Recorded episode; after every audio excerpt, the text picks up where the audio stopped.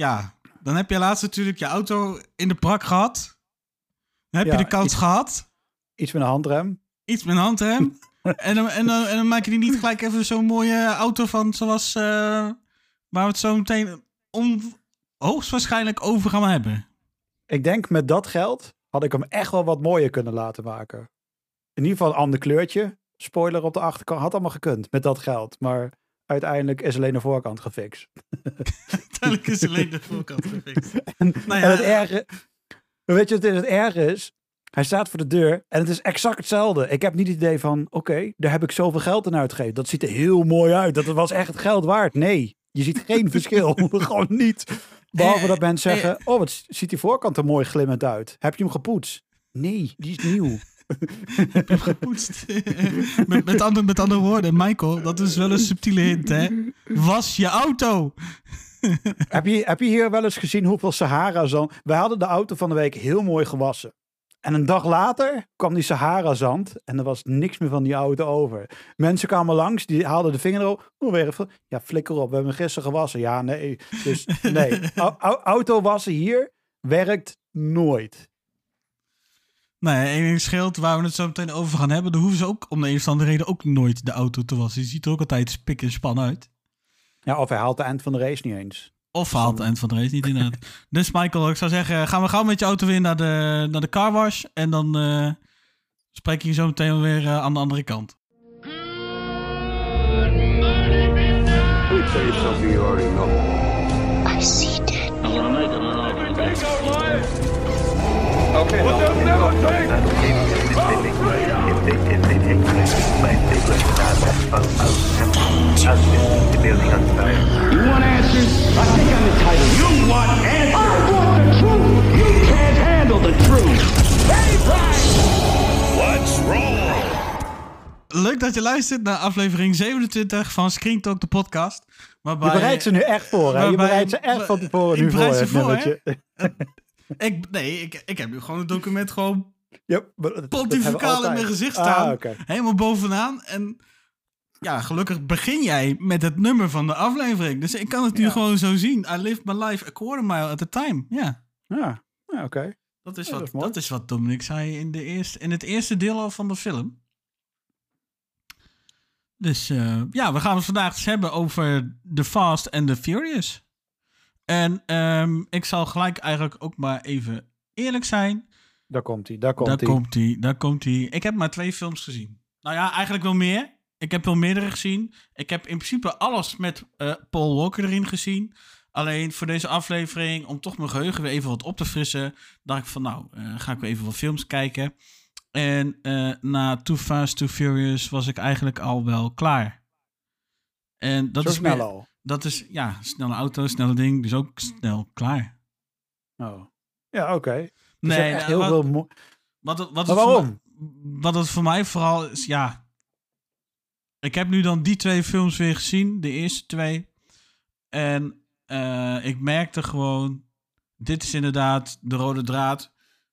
Enerzijds het straatracen, dan gebeurt er wat. En dan gaat het team, om het zo maar even te zeggen, die moet dan weer wat doen. Al dan niet onder druk. Eh, omdat er anders eh, repercussies tegenover staan. Dan gaan ze het uiteindelijk doen. Dan fixen ze het. En dan eh, is de boel toch weer gered. En het gaat dan steeds dus een stapje verder. Waar het eh, in de eerste film dus vooral is dat eh, Brian O'Connor, oftewel Paul Walker, eh, probeert te infiltreren om Dominic aan te pakken. leert hij dan dus uiteindelijk dat, het, ja, dat er meer achter zit. En dat hij hem dus eigenlijk meer wilt laten leven. Nou, dat kost hem uiteindelijk ook zijn job bij de politie. En in het tweede deel van de film, van je de films, gewoon door alle is hij ook gelijk weer... Nee, even snel. Is hij dus ook ergens anders inderdaad. En moet hij daar dus inderdaad ook in één keer weer meer van hetzelfde gaan doen. En ehm, volgens mij is dat wel zo'n beetje de leidraad voor, alle, voor al die films. Dus ik had zoiets, na de tweede film had ik echt zoiets van... Ja, ik heb het nu eigenlijk wel weer gezien. Jezus. Eh, je omschrijft nu precies wat de John Wick films ook zijn. Maar die kijk je religieus elke week op zondagmiddag na klokslag 12 gewoon weer. Weet je, dus dat- die zijn ook exact hetzelfde. Als je deel 1 hebt gezien, heb je deel 2, 3 en 4 ook gezien. Van John Wick. Dus wat dat betreft zit daar niet heel veel verschil in. Nee, daar zit, nee, daar zit niet veel. In dat opzicht zit er inderdaad niet veel verschil in. Het verhaal gaat ook steeds verder natuurlijk. Ook in, eh, in Fast and the Furious. Dus op zich eh, zijn die films inderdaad, als je het zo bekijkt, wel met elkaar te vergelijken. Alleen met de een heb ja, ik, hij, ik- dan zoekt hij het weer. zoekt met de een Ja, heb ik wat meer dan met het andere. En ondanks Ah, dat ik inderdaad wel eh, met auto's en snelle auto's en sportauto's opgegroeid ben. Mijn vader is altijd automonteur geweest. Ehm, ik heb naast de Rijkeluis, naast de Rijkeluisbuurt gewoond. Dus daar reed ook altijd wel een dikke auto, zal ik maar zeggen. Een sportauto, een dikke SUV, een dikke Porsche, een dikke Ferrari, Maserati, noem het allemaal op. Ik ben er echt gewoon letterlijk kan wel zeggen, erin en ernaast eh, eh, opgegroeid en gedaan. Maar ja, deze, ik weet niet, deze, film, deze films doen mij gewoon niet zo heel veel. Nou, best wel jammer. Ja, nee, maar kan. Terwijl ik op zich dan ook wel weer, want eh, toen deze filmserie uitkwam, dat was wel een dingetje wat ik me ook nog bedacht, is dat eh Need for Speed Underground bijvoorbeeld ook eh, in de hoogtijdagen van deze films ook eh, de op iedere gamers PC toch wel draaide en waarschijnlijk ook in de meeste consoles wel. Dus Ik denk wel te stellen dat zonder deze film was die game er nooit gekomen. Want door het succes van de film, of door, van de eerste, veranderde alles. De auto's veranderden. Ik weet niet of jij ooit scooter hebt gereden. Maar toen ik mijn scooter had, mijn eerste, en die film kwam uit, wilde ik ook Night Rider lampjes onder mijn, eh, onder mijn scooter. En dit en dat. Heb mijn hele scooter verbouwd naar verlichting. Het moest snel rijden, het moest er tof uitzien. Toen kwam die game natuurlijk uit. Want ja, autorijden, dat mocht ik natuurlijk nog lang niet. Maar die game die kwam toen uit, die heb ik toen echt helemaal kapot gespeeld. Echt door deze film eh, werd eigenlijk die hele markt in één keer opengegooid. Dat in één keer, ja, jammer genoeg hebben wij in Nederland al die kutregels. Waardoor je bijvoorbeeld niet verlichting op of onder je auto mag doen. Eh, maar in Amerika hebben ze die vrijheid wel. En als hij vier wielen heeft, dan mag je de weg op. Eh, hier moet er ook nog wat omheen zitten. Eh, maar daar maakt het allemaal geen fluit uit. En dan mag je die auto's gewoon helemaal ja, tunen zoals ze in de films waren. En dat, dat vond ik er wel jammer dat het niet kon. Ik ben er wel een paar keer bij zo'n, met de scooter ben ik toen bij zo'n auto-ding geweest waar al die gasten bij elkaar kwamen. Ja, die hadden echt wel vette auto's. Maar ja, die mochten dan daar wel mee rijden, maar moesten dan de, de verlichting allemaal weer uitzetten en al die onzin. Dus dat was wel jammer dat dat hier niet in Nederland, eh, dat het niet, en nog steeds niet, wat je mag nog steeds geen, geen fluit doen met je auto, eh, behalve hoe die is en moet wit verlichting voor en al die onzin. Dus het was wel jammer dat het niet hier in Nederland mocht, wat dat betreft dan. Ja. En met de scooter mo- moest ik ook, al had ik ook zo'n dodemans knopje erop zitten. oh god, in- de, de, om de limiet erop te gooien, zodat hij de rollenbank haalde. Ik hoor het alweer. Nee, nee, dat niet. Want ik had, ik had, ik had dat ding niet opgevoerd, maar ik had een, een dodemans knop erop zitten voor de verlichting. Weet je, dus dan ging dat eh, knopje uit of aan en dan had ik of de volledige kermisattractie of het was helemaal uit en ik had een normale scooter. Eh, behalve dat ik toen vergat dat daar een schakelaar tussen moest. Dus iemand die had gewoon voor de lol dat ding aangezet. En ik kwam terug en de accu was Leeg. Dus, dus dat was niet handig, zeg maar. Eh, dus dat, dat soort dingen. Toen zei ik tegen mijn pa, hey. En toen zei hij hier, dan had hij dat tussen gemaakt, sleuteltje. En dan kon ik hem aan of uitzetten. En dan, ja, het was heel ingenieus weggewerkt. Maar je zag het uiteindelijk gewoon zitten. Dus, maar ja, Je zag het dus, gewoon- dus zodra ik reed, dan had ik weggewerkt, aan. maar je zag het uiteindelijk gewoon zitten. Hm. Ja, want het, het schakelaartje, als hij aan was, dan gaf hij gewoon licht. Dus als ik door het donker reed, dan zag je gewoon een groen lichtje onder in de scooter. En dan wist je van, oké, dat denk ze. Dus ik reed dan gewoon in het donker. En dan had ik mijn voorverlichting uit en alle andere verlichting aan. En als er een politie kwam, deed ik de voorverlichting aan. En dat schakelaartje om en dan had ik gewoon een normale scooter, zeg maar. Dus dat, maar dat kwam echt puur, puur door die films toen ik die zag en de game. Eh, zoals ik al zei, ik had nog geen auto, mocht geen auto rijden. Had ik ook nooit moeten doen. Maar toen had ik een scooter en toen heb ik dan daardoor eigenlijk dat hele ding helemaal daarvoor verbouwd. Dus dat was best wel een, ehm, ja, best wel een coole tijd wat dat betreft. Ja, nou, ik heb dan nooit, nooit zelf echt scooter gereden. Ja, een paar keer, maar dat blijft ook bij. Ik vond het op zich ook niet zo interessant. Plus, eh, ik eh, woonde dusdanig dichtbij eh, de middelbare school waar ik destijds zat. dat het voor mij ook gewoon niet nodig was. Ik was met vijf minuten fietsen was ik op school, zeg maar. Dus op zich, om dan de scooter te pakken is dan ook zoiets, weet je. En ik had dan ook wel vrienden natuurlijk die dan wat verder weg woonden. Ja, die gingen wel met de scooter. Ik ben Voor mij was gewoon de lol van de scooter. Het feit dat ik er eentje had en dat ik... eh, mijn, eerste, mijn eerste brommer, daar had mijn vader toen helemaal opgeknapt. Was helemaal trots op. En toen werd ik 16, toen kreeg ik dat ding. Maar de motor, of de startmotor was kapot. Of die deed het niet goed. Dus je moest echt dat ding aanrennen. Dus Oh, als je ik had- op school- een poeg. ja, ik had een poeg. Dus ik kwam op school en dan vroegen mensen... Michael, je rijdt brommer, maar je bent helemaal buiten adem. Ik zeg, ja, ik moet echt serieus 10 minuten rennen, wil ik dat ding aankrijgen. Dus ik moest echt elke keer de hele straat twee keer doorrennen. En dan ging dat ding aan. En dan zat ik eindelijk... Oh, dan gaf ik te weinig gas en toen ging dat ding weer uit, weet je. Dus, eh, en daarna, en mijn eindscooter was een ehm, Yamaha Speedfighter 2. En die heb ik Peugeot. helemaal verbouwd. Peugeot Speedfighter inderdaad. Helemaal verbouwd, lichtjes eronder, andere uitlaat, al die onzin. Dus ik heb daar echt heel wat kilometers mee, eh, mee gereden. Wat dat betreft woonde ik op mijn scooter. Gewoon, Dus wel is- echt een hele toffe tijd. Want dat was echt, sterker nog, eh, misschien volgend jaar ga ik weer een scooter terugkopen. Gewoon puur omdat het gewoon vet is om op zo'n ding rond te scheuren. Ik zou niet meer weten hoe de regels zijn. Gewoon geen idee waar je wel en niet mag rijden. Want Nou ik reed je hebt, gewoon je hebt je rijbewijs toch? rijden. Dus je mag op zich scooter rijden ook. En Ja, maar ik weet niet meer precies. Want ik weet nog dat je... ja, dan moet je gewoon Eh, even je, verkeersboek, je verkeersregelsboekje openslaan.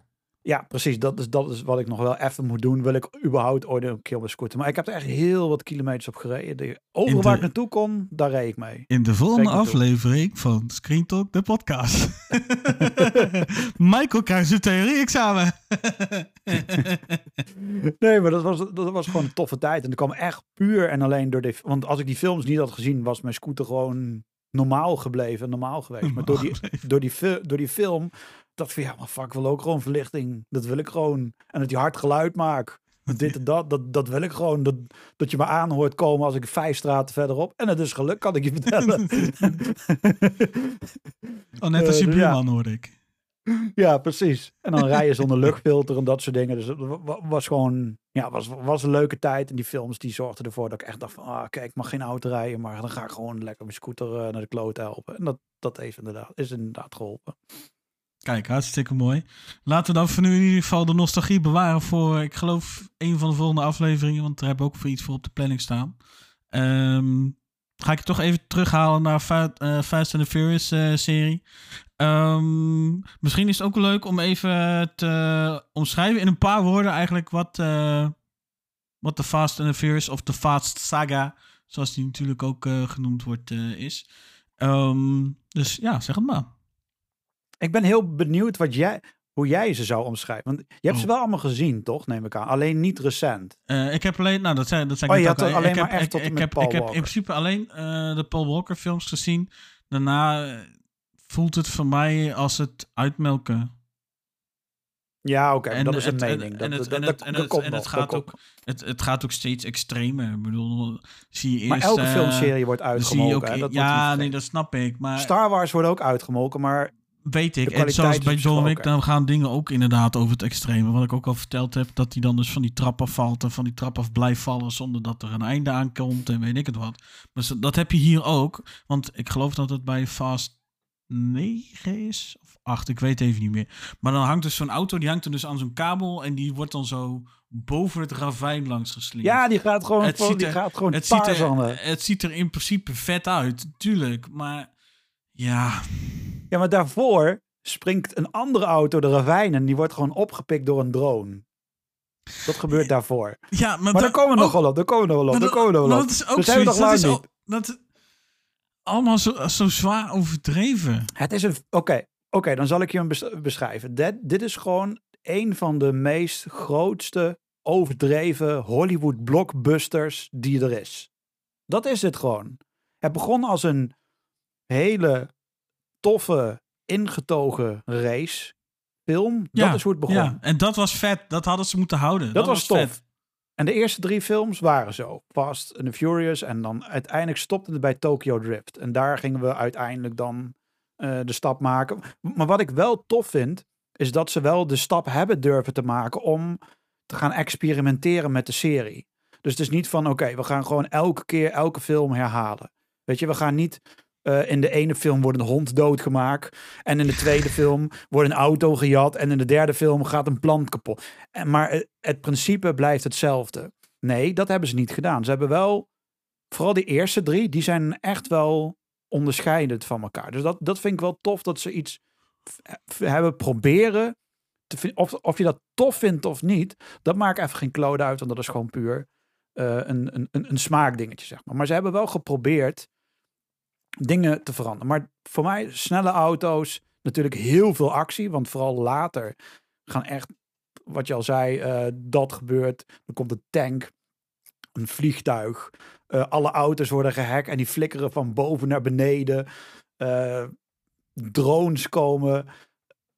Wat je al zei, een auto gaat à la Tarzan op een stuk touw en het slaat helemaal nergens op. Maar dat maakt niet uit. Soms, soms heb je een frikandellenfilm even nodig. Wel een hele dure frikandellenfilm. Begint trouwens ook met F, hè? Frikandelfilm. Ja, precies.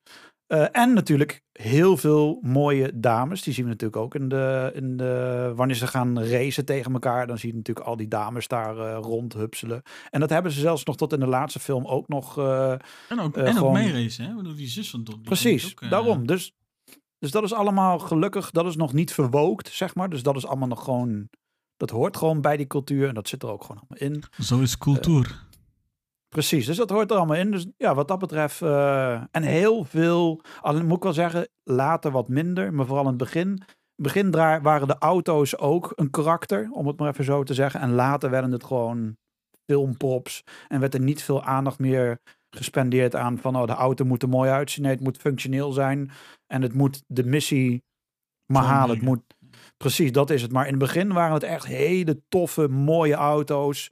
Eh, eh, wat me wel opviel is dat eh, Paul Walker vooral in een auto rijdt waar het stuur voor ons aan de verkeerde kant zit. Dus vaak aan de rechterkant zit.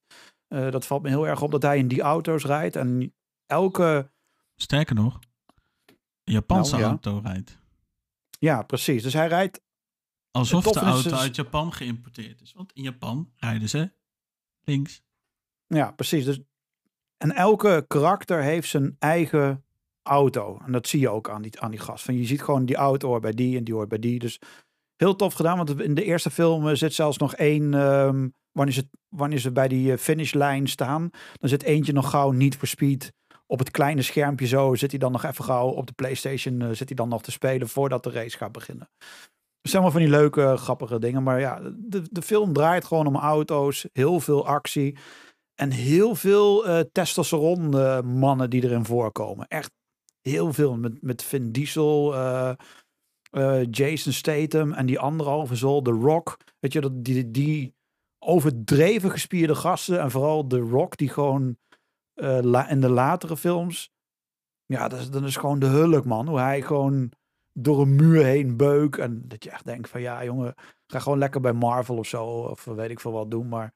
Uiteindelijk is dat Ja. DC Comics, hè? uiteindelijk is dat DC geworden, maar uiteindelijk, het is gewoon echt belachelijk, eh, die actiehelden wat dat betreft. Dus dat is voor mij vooral eh, de fast films. En een verhaal waar ik echt moe van word, is de hele tijd, we zijn familie. Echt, dat, dat, op een gegeven moment Oh, werd ja. ik daar helemaal lauw van. Vooral in de latere films. Ja, maar hij heeft je, hij heeft je wel verra- verraden hoor. Maar ja, zijn toch familie. Fuck off, jullie zijn helemaal geen familie. Je bent geen familie. En dan gaat de hele tijd gaat het aan het einde door. En dan, en dat is wat, wat ik heel erg eh, in de serie ben gaan haten. Is in het begin was het gewoon een normale racefilm. Maar nu moet het in één keer een drama, feel good familieding worden. Dan krijg je weer een, een viool. Dan wordt André Rieu wordt even gevraagd van kun je in die hoek gaan staan met die viool, weet je. En dan gaat André Rieu in die hoek, gaat hij zo'n heel zielig viooltje doen. En dan een, een close-up een close van, die, van Vin Diesel. Dat dan komt er, kun je even gauw een neptraan, want ik kan, ik kan niet huilen. Maar, en dan even gauw een neptraan en dan zie je Vin Diesel huilen. Ja, maar we zijn toch familie. Fuck off, man. En da- daar werd ik echt, vooral bij die latere film, werd ik echt moe van. Dat dat zo benaderd. Het, het past niet in die film. Ze gaan, een, gaan, een, eh, gaan twee karakters dood in die film. Ik heb daar echt nul emotie mee. Terwijl ik normaal, wanneer een karakter in de film dood zou gaan, kan ik daar best wel een traantje. Maar hier had ik echt zoiets van: ja, nou en fuck off, ga door, man. Doorrijden. Dit is een vliegtuig. Vlieg door.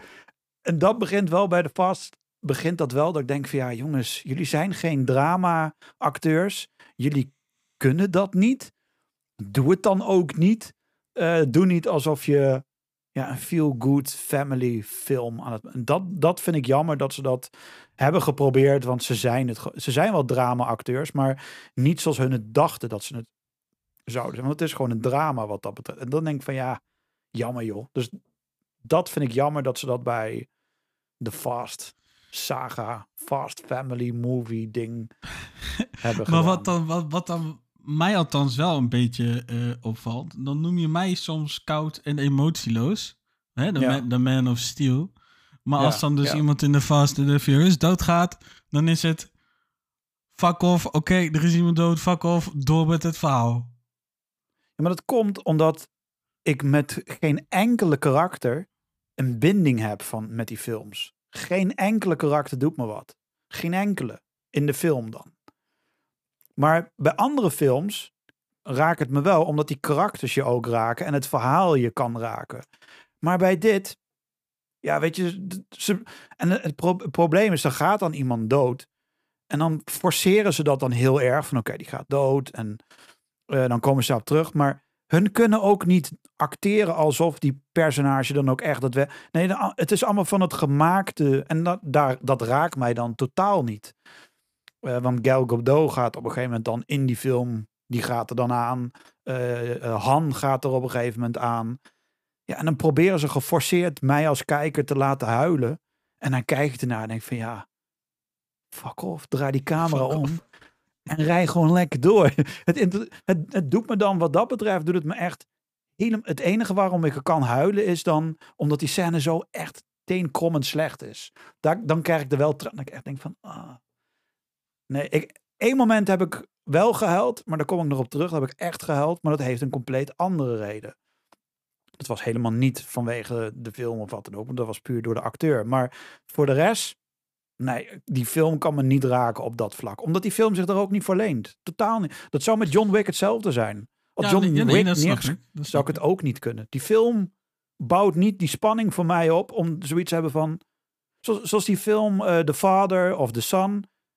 Ja, daar kan ik echt gewoon uren om janken. Dat, met, met gemak. Succession, precies hetzelfde. Ja, maar, Maar met dit, het raakt me dan weer helemaal niet. maar films als The Father en The Son, dat zijn ook films die daarvoor gemaakt zijn.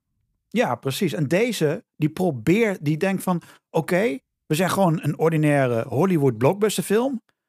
Maar we willen dat familie erin hebben. En, we, en dan, dan vooral Vin Diesel dan, die komt dan daar. Kom even, en dan gaan ze allemaal in een cirkeltje staan. En dan zo'n zo'n ep- epische toespraak. En ik hou van die eh, luchtdingen in de... Van die, eh, hoe heet dat? Van die eh, vraagteken dingen af. Maakt niet uit. Air quotes, doe je. Ja, air quotes doe ik. Kwam niet op mijn woord. Maar hij doet dan alsof het heel emotioneel moet zijn. En dan zit ik daar gewoon met een glimlach op mijn bek. En dan lach ik. En denk ik van, joh, gast. Misschien moet je even een keertje een acteerlesje nemen op dat vlak. Want je kan, je bent gewoon geen drama-acteur. Je kan mij niet overtuigen dat het allemaal zo... Het is het gewoon niet. En dat, dat proberen ze, dat forceren ze. En vooral later in de films. De eerste drie films is dat allemaal nog niet.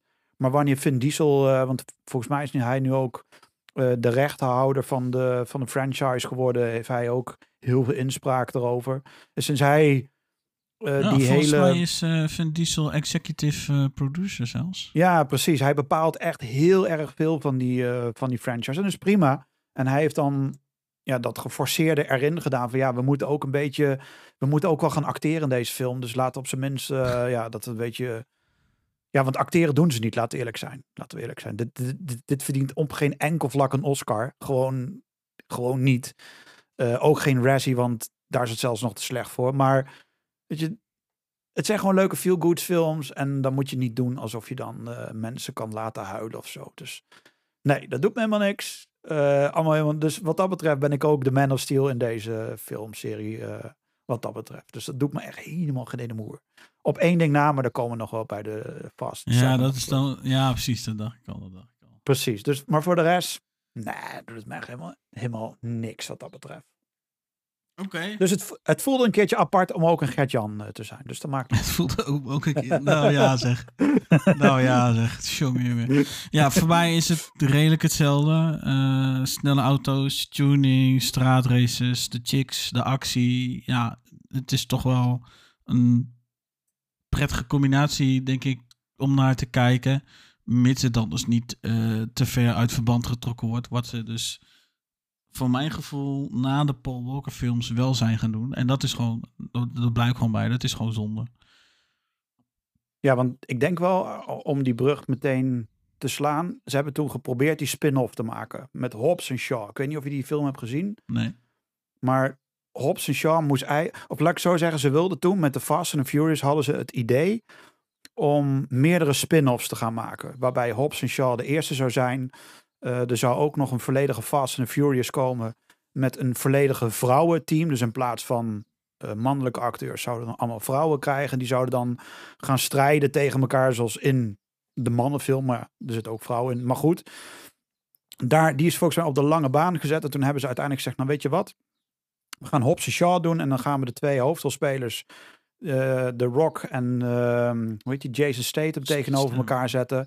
Nou, dat was echt gewoon een kutfilm. Eh, op een gegeven moment hebben, heet die, eh, Vin Diesel en The Rock hebben zelfs nog eh, ruzie gehad met elkaar. En ze moesten de film afmaken. En ze hebben dat toen afzonderlijk van elkaar opgenomen. En hebben dat toen uiteindelijk, hebben ze dat in de film gedaan alsof ze tegenover elkaar staan. Maar in het echt waren ze gewoon kilometers uit elkaar. Want dat hebben ze gewoon allemaal in elkaar gemonteerd. Dat het lijkt alsof ze in één ruimte waren of tegenover elkaar. Maar ze konden elkaar gewoon niet luchten of zien. Er was gewoon een enorme ruzie binnen dat hele fast team. Eh, en toen uiteindelijk is Hobbs Shaw heeft toen maar één film gekregen. Eh, en heeft daarna ook geen, geen vervolg meer gekregen. Maar het was toen wel echt de bedoeling dat die hele. ehm, dat de Fast, the dat de Fast saga eigenlijk de hoofdlijn zou worden. En dan daaronder zouden dan een aantal spin-off films gaan komen. Waarvan eentje gewoon keihard mislukt is. Want het was gewoon een hele domme actiefilm. eh die ik toen één keer heb gezien en dacht van...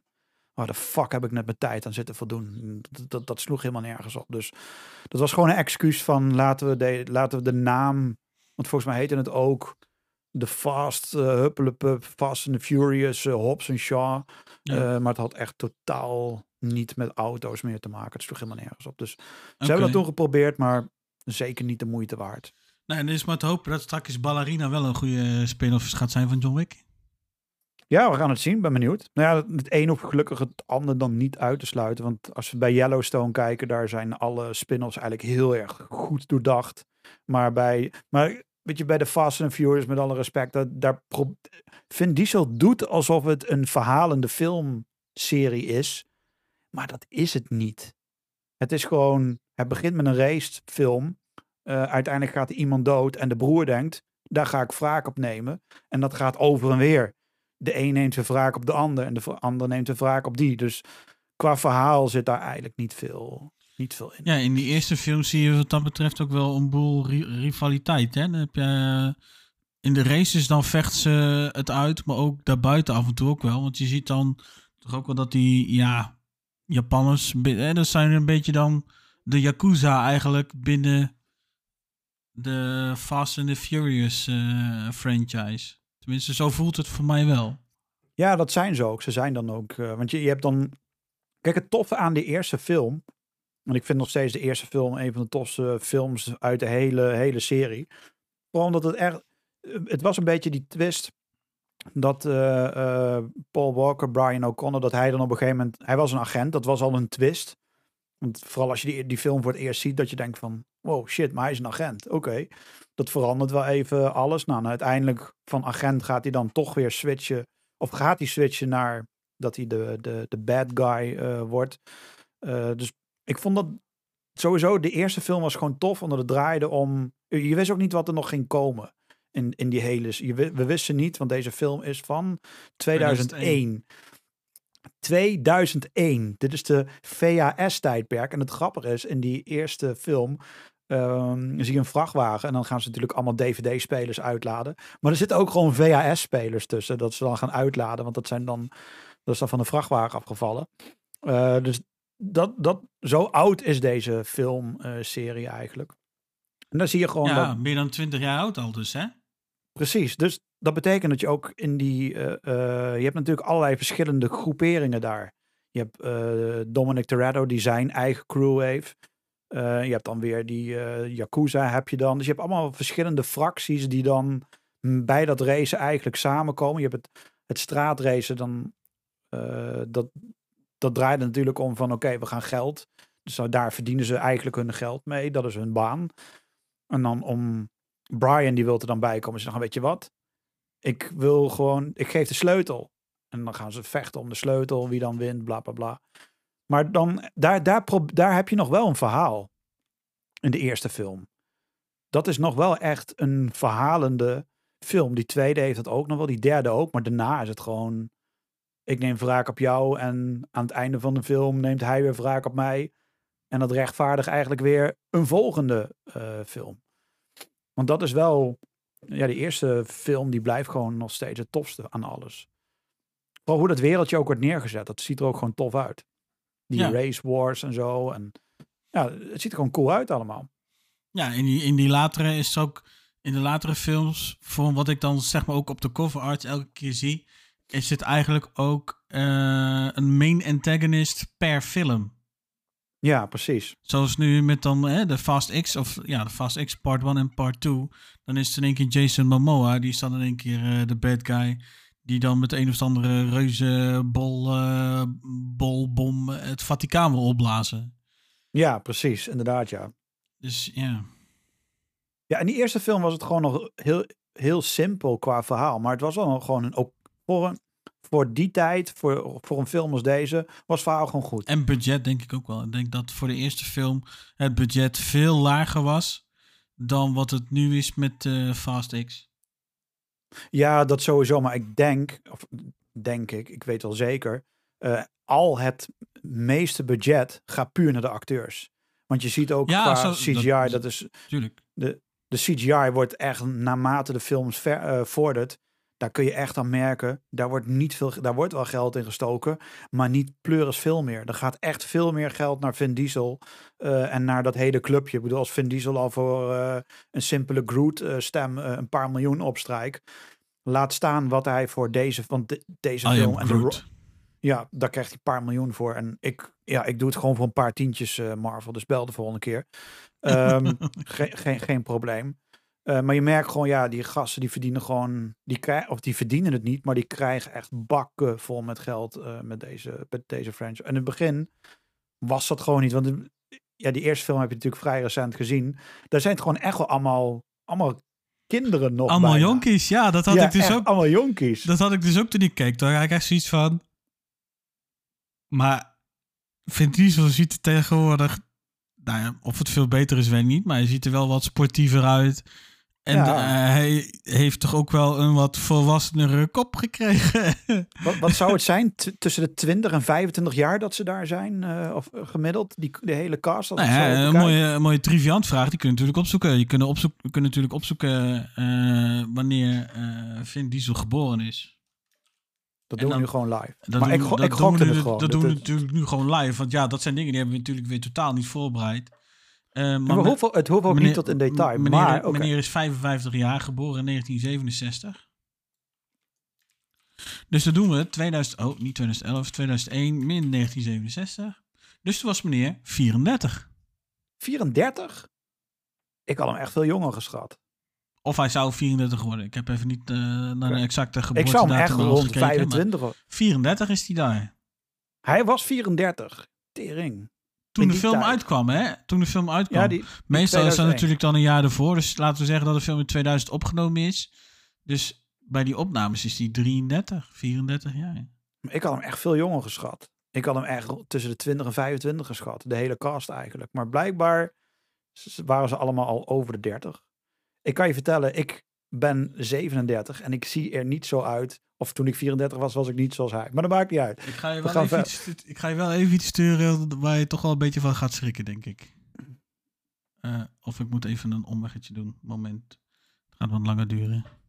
Kijk, dit doen we allemaal live in de podcast. En dan hoor je ook dat het echt totaal niet wordt geëdit door mij. Want dit En ook totaal niet wordt voorbereid. totaal niet wordt voorbereid. En dan stuurt hij weer iets. En dan denk ik van ja, joh. Is hij toch niet zo gespierd als dat we denken dat hij is? Ja, maar Vin Diesel die eh, ziet daar nu echt wel wat beter uit. Hij, hij, hij stuurt een foto van Vin Diesel die een beetje overgewicht heeft. Heel klein beetje, maar Weet je? om je, om je een idee te geven, Gert-Jan en ik zouden makkelijk in hem kunnen passen nu, qua eh, formaat. Maar Nou. hij- die, die gast... Oké, alleen Gert-Jan dus. Maar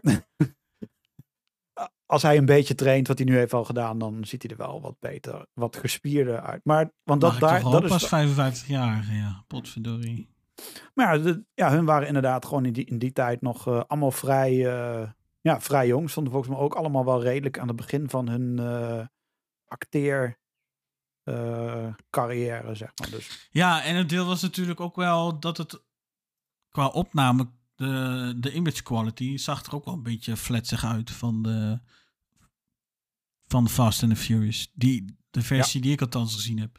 Dus eh, een stukje techniek helpt daar ook verschrikkelijk bij. In vergelijking met toen en nu.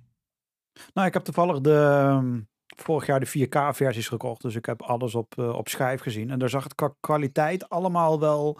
Hadden ze wel netjes die 4K-versies rechtgetrokken. Tuurlijk ga- zie je verschil tussen één en de, en de laatste. Maar de 4K-versie was in ieder geval mooi rechtgetrokken. Dat het er niet meer uitzag als een 2001-film. Maar ja, je moet nu niet zeggen van... Pak even een VHS-video van de eerste en stop die erin. Want dat ziet er niet uit. Uh, maar dat, ja, logisch ook allemaal 2001, één tijdperk, VHS-tijdperk. Dus uh, ja. Ja, maar, ja, logisch ook dan misschien ja, wel. Ja, ja. Zeker, zeker. Maar ja, ik had wel iets van, wow, ik kan wel zien dat er qua techniek ook wel uh, een boel vooruitgang is. En dat het tegenwoordig toch ook wel allemaal er een stuk beter uitziet. Ook binnen Fast and the Furious. Ja, dat sowieso. Dat is echt een wereld van, uh, van verschil. Dus uh, even kijken. Ik vond, trouw, ik vond oh. trouwens, voordat we doorgaan met die tweede film, ik vond die, uh, die ene scène heel tof. Dat ze die, uh, dat ze die huis binnenvielen bij die Japanse Yakuza, bij die vader. Dat hun daar, dat die hele familie, die Japanse familie, allemaal netjes zo aan tafel zaten. En dat die uh, ME daar helemaal binnenkwam. En dat, dat, hij, dat die zoon werd uh, gearresteerd. En dat die vader naar hem toe kwam en echt gewoon een, een, een, een pets in zijn gezicht gaf. Dat was echt gewoon een hele nette familie. Uh, en dan werd hij opgepakt en dan werd hij. En dan zag je aan het einde zag je dan die Brian O'Connor, die had dan, die was dan ook bij die raid uh, ook aanwezig. Ik vond het wel een toffe scène hoe dat was opgebouwd, hoe die agenten binnenvielen en zo. En, nou, was wel, ja, was wel en, een en tof dat stukje. niemand dus door dat uh, Brian O'Connor er eigenlijk stiekem gewoon bij was. Ja, precies. Behalve dat één character in de film eigenlijk vanaf dag één door had. En dat was Vince. Die zei al meteen, hij is niet te vertrouwen. En hij had vanaf dag één gelijk dat Brian O'Connor een agent was. En later in de film had hij weer met wat gelijk over Brian O'Connor. Dus hij had de hele tijd wel gelijk over hem. Maar hij werd gewoon totaal niet... Want als uh, Paul Walker, uh, hoe heet, nee, uh, hoe heet die, Dominic... Als hij had geluisterd naar Vince dan had hij die Brian O'Connor gewoon buitenspel gezet. Maar hij luisterde daar niet naar. En hij liet gewoon uiteindelijk gewoon toe dat er een agent infiltreerde. Ja. Ondanks dat Vince gelijk had. En hij geloofde hem niet. En dat, dat is altijd toch wel apart geweest dat Dominic uiteindelijk een vreemdeling heeft gekozen over zijn jeugdvriend. En dat vond ik wel. Uh, dat ja, was wel maar apart. aan de andere kant was natuurlijk ook wel de hele attitude uh, van die Vince was natuurlijk ook wel een beetje apart. Dus hij wil, ja, dus dat die wel. wilde Vince gewoon op zijn plaats zetten, op zijn plek zetten. Van goh, luister. Nu gaan we het gewoon zo niet doen. En trek ik dus meer naar Brian O'Connor. Ja, gevolg. wat apart is dat jij jouw jeugdvriend eigenlijk buitenspel zet voor iemand die je niet kent. En dat was wel apart. Dat vond ik wel. Ja, maar dat was, aparte... was ook omdat die, Bri omdat die uh, Brian, nee, omdat Dominic ook wel enigszins door had dat uh, Brian een oogje had op zijn zus. Net zoals als die Vince dat dus ook had. Ja, ja, klopt. Die waren echt aan het strijden voor dezelfde, de, voor dezelfde ja. dame. Ja. En, en dat, misschien had hij. En Vince, van, ja. die draait vervolgens om. Wanneer hij dus aan die met een kabel aan die uh, vrachtwagen hangt. En dat dus uh, Brian met uh, Dom's zus aangereden komt om de boel te redden. Om hem te redden. Ja, wat, dat was trouwens tegen het einde van de film was echt een toffe stuk. Dat hij die Vince hielp. En dat hij gewoon zijn telefoon pakt en belt en zijn badge nummer noemt. Eh, zijn Ja, dat titel is- noemt, dat- zijn dat- functie. Dat is daarna, Dat- ja. Ja, dat was echt een. Dat, dat, dat hij echt zat te kijken, die Vince van. Zie je nou wel dat ik godverdomme gelijk had? Hij zei het wel niet, maar je merkte wel aan hem. Zie je wel dat ik gelijk Nee, had? die Dat, Vince die lag, die lag half dood op, op de grond. Dus die heeft, Ja, niks, tuurlijk. die heeft niet echt veel kunnen zeggen. Dus hij heeft ook niet nee, echt maar, s- een bepaalde body language gehad van zie je nou wel? Nee, dat kon hij op dat moment gewoon absoluut niet. nee, maar dat, zag, dat merkte je wel aan hem. Dat, dat, dan heb je niet goed op. Dan mer- je merkte echt aan hem dat hij zoiets had van: oh, kut. Oké, Ja, shit. Zie je Eh, wel. En, en Dom die staat er dan bij en dan belt Brian dus. En dan geeft hij dus door dat hij dus agent is. Ja, en dat dan, bedoel ik. En dan Dat heeft Dom, ik. die heeft dan dus echt wel zo'n moment van... Ja, zie je wel, heeft Vince toch gelijk. Maar Vince die kon dat zelf op dat moment niet. Dat bedoel ik. Ja, dan heb jij het misschien op een andere manier. Ik zag het wel. Maar dat maakt niet uit. Los daarvan. Dat vond ik wel ook wel een, een tot. En daar konden ze dan wel weer. Dat is dan wel knap. Daar konden ze dan wel weer een beetje acteren. Eh, ze kunnen alleen niet dat niveau van. Ik ben. son, ja. ja, precies. En ze kunnen dan niet een hele film vasthouden van. Oh ja, ik ben acteur. Ja, ik moet acteren. Dat, dat is dan jammer dat ze dat niveau eh, niet kunnen overpakken. Maar die tweede film. Kijk, die eerste film was redelijk. Best wel redelijk serieus. Tenminste, een serieuze toon. Maar die tweede film, en dat kwam vooral door die eh, acteur, eh, hoe heet die, eh, Tyrese Gibson, die dan Roman speelt. Hij en Paul Walker, die twee waren echt een heel goed duo. Ik had hun graag willen zien in een Lethal Weapon film. Zo'n soort combinatie van twee agenten. Want die combinatie tussen die twee, die, is zo, die was zo ongelooflijk goed. Want Paul Walker is toch een beetje meer... Hij is wel wat grappig, maar hij was wel meer serieus. En die Tyrese Gibson, die dan Roman speelde, die was totaal het tegenovergestelde. Echt totaal het tegenovergestelde van alle andere eh, castleden die we ooit zagen in die twee films. Grappig, moest continu een opmerking maken, komt bij die maffiabaas en dan jat hij, eh, eh, waarmee hij zijn sigaar mee doorsnijdt. Dat, dat jat hij dan en dan vraagt, roept hij terug van, hey, ik wil wel dat ding terug. Dan loopt hij terug. Ja, ik dacht wel dat je er genoeg van had, dus daarom heb ik deze maar gepakt. Of hij komt bij die maffiabaas en zegt meteen, heb je ook eh, wat te eten voor me? Wel? Hij, hij is stond, en dat doet hij de hele film door. Later zegt hij ook, ik wil heel graag een keer de leiding hebben over een missie. En dan iedereen hem aankijkt van, oké, wat gaan we dan nu doen? Dat hij aankijkt van, ja, maar ik bedoel niet nu. Ik bedoel gewoon later een keer, dan wil ik wel de leiding. En hij is wel echt van alle karakters wel de meest grappige uit die hele... Hij brengt wel die vrolijke noot die die serie wel nodig heeft. Tenminste, zo, zo, zo zie ik het dan. Dat hij wel die vrolijke, grappige noot eh, geeft.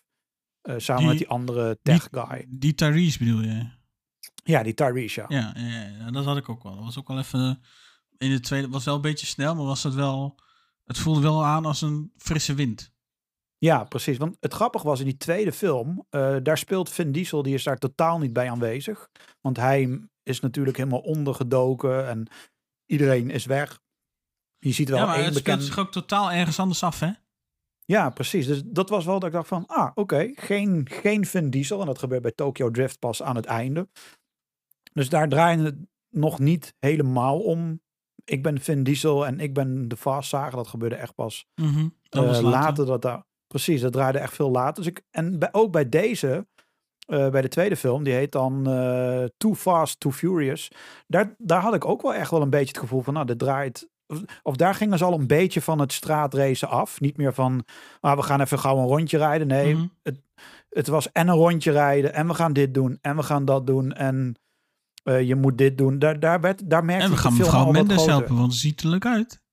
Ja, oh, dat sowieso. Dat was Oh, sowieso dat- een, een dat was sowieso een heel erg pluspunt van de film. En het was geen CGI eh, special effect, maar die er. Zij doet volgens mij ook al heel lang geen films meer, volgens mij. Hoor.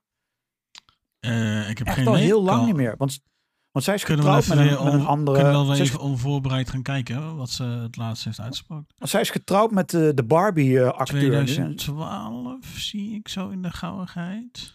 ja, dat zou kunnen. Dat is echt lang geleden dat zij eh, kijken.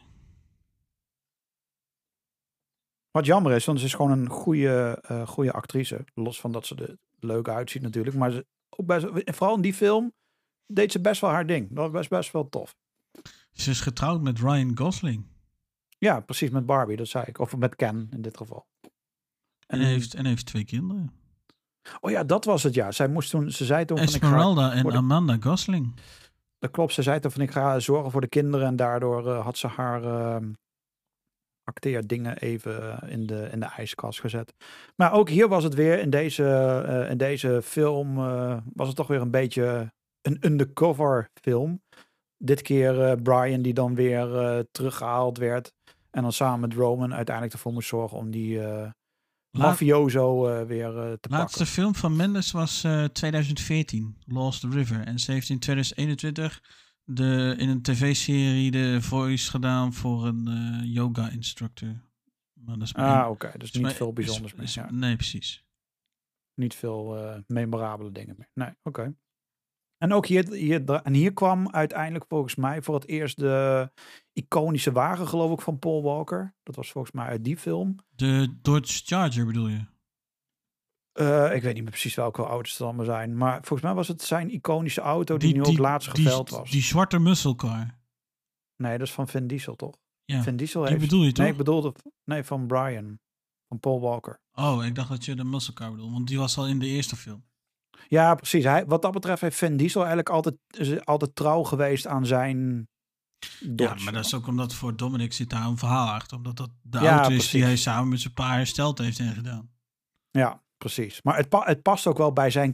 Ik zie hem niet in die eh, auto's rijden waar Paul Walker in rijdt. Dat, Nee, dat matcht niet met hem. nee. Hij precies. moet zo'n muscle car hebben. Dat, dat Ja. past echt goed bij hem. Ja, maar hij, traint daar ook voor. Ik bedoel, hij heeft ook niet voor niks zo'n opgetraind eh lijf ervoor. en Weet ik Ja, precies. allemaal. Dan kun je Ja. niet in zo'n Hyundai stappen. Dat, dat, dat matcht niet En, en ja, misschien praat ik nu iets negatief over eh Wolker. Maar in dat opzicht is Wolker eh, wel gewoon een ielig ventje. Ja, maar dat is hij ook. Hij is gewoon een hele simpel. Dus simpel ja, dan ja, simpel snap ik aan de andere kant ook wel dat je dan niet zomaar in zo'n eh typische Amerikaanse muscle stapt, maar in iets Japans. Ik weet niet wat Ja, het is, precies. maar het is wel. een- Ja. Maar het past ook. Het het zou ook niet passen als eh, Paul Walker in één keer in die muscle car zou stappen. Dat, dat matcht gewoon niet. Op een of andere manier. Als bijrijder misschien. Ja, precies. Maar niet als. Ja, dat, dat, dat matcht gewoon niet. Maar de derde film. Ehm, de derde film, The Fast and the Furious Tokyo Drift.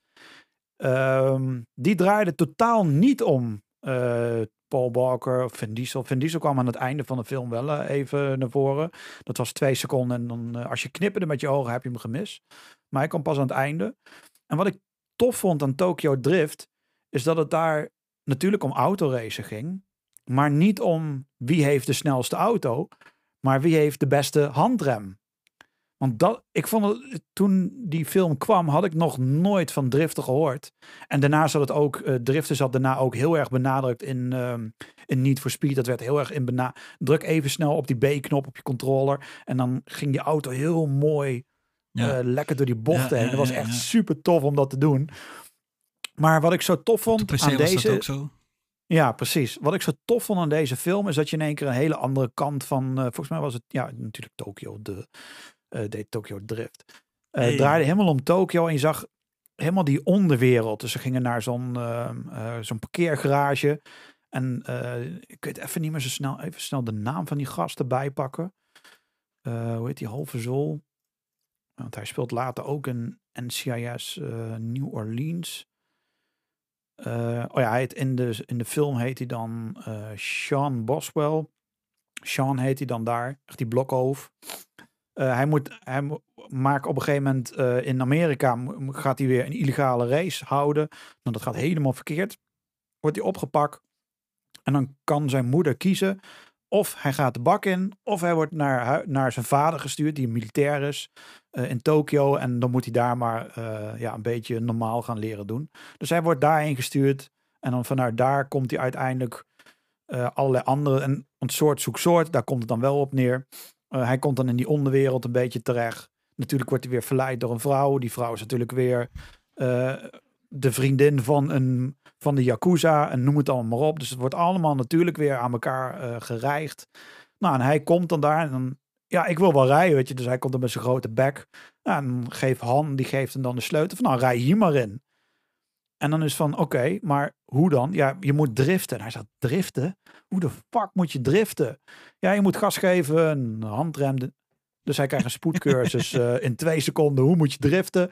Nou, dat raadt iedereen. Dat gaat helemaal fout. Maar de acteurs die het doen, of de andere coureurs die rijden, die, die driften dan wel heel perfect. En ik moet dat toegeven, ik vond dat wel heel vet om te zien dat ze echt vlak langs die muur heen driften. En dan natuurlijk, volgens mij waren heel veel stunts gewoon CGI. Want volgens mij waren heel veel dingen ook echt niet eens mogelijk om dat zo perfect goed te kunnen doen. Eh, of het is een combinatie geweest van CGI, eh, practical effects, noem het dan maar op. Maar het idee dat ze in één keer een compleet andere film gingen maken. Namelijk, we gaan nu helemaal de focus leggen op driften. Dat vond ik wel heel cool. En later eh, in de film heb je natuurlijk die eh, bekende berg, wat ze dan helemaal gaan doen. En die berg is dan later, een paar jaar later, dan ook in, of in Forza Horizon. Of in, ja, volgens mij Forza Horizon. Of in ieder geval een grote race game hebben ze die berg hebben ze erin geflikkerd. En toen kon je dan met z'n allen, konden we dan die berg ook in-game eh, gaan doen. Maar dat was een, ik vond het wel een hele top film. Ook daar had je nog weer een beetje eh, een verhaal. En jongens, ik bedoel niet een Shawshank Redemption verhaal, maar gewoon een verhaal. Er zat een verhaaltje in. En dat was hier ook gewoon weer wel bij aanwezig bij, eh, bij Tokyo Drift. Ik vond het wel tof om hem weer een andere, eh, om een keer een niet-Amerikaanse film te zien, maar gewoon Andere een Amerikaanse, een andere setting. En dat vond ik wel cool. Ik vond eigenlijk wel jammer dat ze dat niet later hebben doorgezet van nou de deze Fast and the Furious speelt zich af in Zweden, die speelt zich af in Duitsland en dan die. En dat had ik wel toffer gevonden als ze een beetje meerdere continenten hadden gedaan. Eh, zoals in deze film. Dat je een beetje die lokale eh race sfeer mee kon proeven. Dat, dat was wel tof geweest. Ja, hadden ze, dan, hadden ze dan ook een keer Italië moeten doen. Ik bedoel, daar zitten toch ook wel de automerken, hè? Ferrari, Lamborghini. Ja, precies. Dat je dan echt hele vette Ferraris zou zien. En ja, precies. Dat, dat, dat had ik wel cool gevonden. Alleen jammer genoeg hebben ze daar niet voor gekozen. Maar bij deze film vond ik het wel dat ik dacht van... Ja, oké, wel tof. Daar draaide het niet om. Deze auto moet bloedsnel zijn. Nee, moet heel licht zijn. Moet heel makkelijk zijn. En moet vooral heel goed kunnen driften in die bochten. Dus ja, dat vond ik op zich wel, eh, dat vond ik wel tof aan deze film. Ik weet niet of jij nog wat kan herinneren van die film, maar Nou ja, eh, eh, het driftstukje vooral. Dat het in die film vooral om het driften ging, dat weet ik nog wel. ja. Dat ze dan door de Japanse bergen met haarspe- bij de haarspeldbochten dan moesten, moesten driften doen. En toen was het uiteindelijk gewoon van oké, ehm, hij stond tegenover de maffia. Dus hij toen heel simpel. Als ik win, gaat hij de stad uit. Als ik verlies, ga ik weg. En uiteindelijk heeft hij gewonnen. En moest dat neefje van die maffiabaas moest uiteindelijk een paar stappen terugnemen. En moest eigenlijk ja, daar gewoon het veld ruimen. En dan kon die Sean nam uiteindelijk toen daar een beetje de leiding. Want dat zien we jaren later in de andere film. Dan gaat Dominic heel even terug naar Tokio. En dan zie je Sean daar ook staan. En dan eh, weet je van, oké, nu is Sean een beetje de Vin Diesel, zeg maar. Of de Dominic Toretto in, eh, in Tokio, eh, zeg maar. Dat, dat, dat, tenminste, ik, ik vertel het nu dieper dan dat het natuurlijk gaat. Maar dat was wel een beetje het idee van, van die serie. Dus ze hebben wel wat geprobeerd om in ieder geval de filmpjes aan elkaar te rijgen. Want het vervelende is, bij Tokyo Drift, die speelde af in 2006. En toen daarna kwam eh, in 2009 Fast and Furious. eh, wat dan eigenlijk weer, eh, want de tijdlijnen hierna gaan helemaal naar de kloten. Deze film speelt zich weer af voor Tokyo Drift. Want in één keer, want Han die gaat natuurlijk in Tokyo Drift dood. Maar in één keer is hij daar. En het wordt ook niet uitgelegd. En dat je op een gegeven moment echt zoiets hebt van... "Hè, Wat gebeurt? Het voelde aan als een... Ik zat er naar te kijken. Het voelde aan als een reboot van de, van de, van de franchise.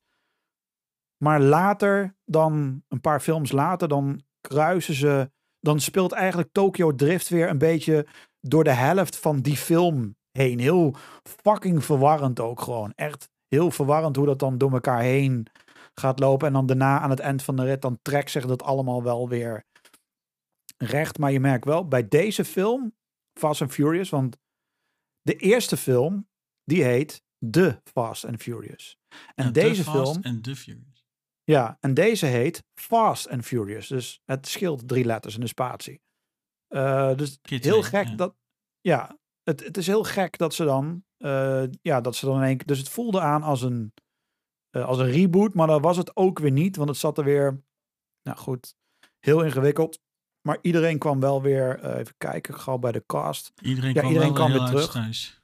Ja, en want ik, eh, want ik heb al die films eh, avond aan avond aan, eh, naast elkaar gekeken. Of na elkaar. Lunatic, hadden Tokyo- toen hadden we Tokyo Drift gekeken. En een dag later kwam deze film. En toen leefde Han. Ik denk, hè? Hij was gisteren dood. En nu loopt hij daar. Hoe dan? En dat wordt niet uitgelegd. ja. En nu is hij er gewoon weer. Ik snap er helemaal geen ene malle moer van. En dan wordt dan later in de film wordt het dan wel weer rechtgetrokken. Want je moet Hobbs en Shaw eigenlijk ook weer tussendoor kijken. En dan...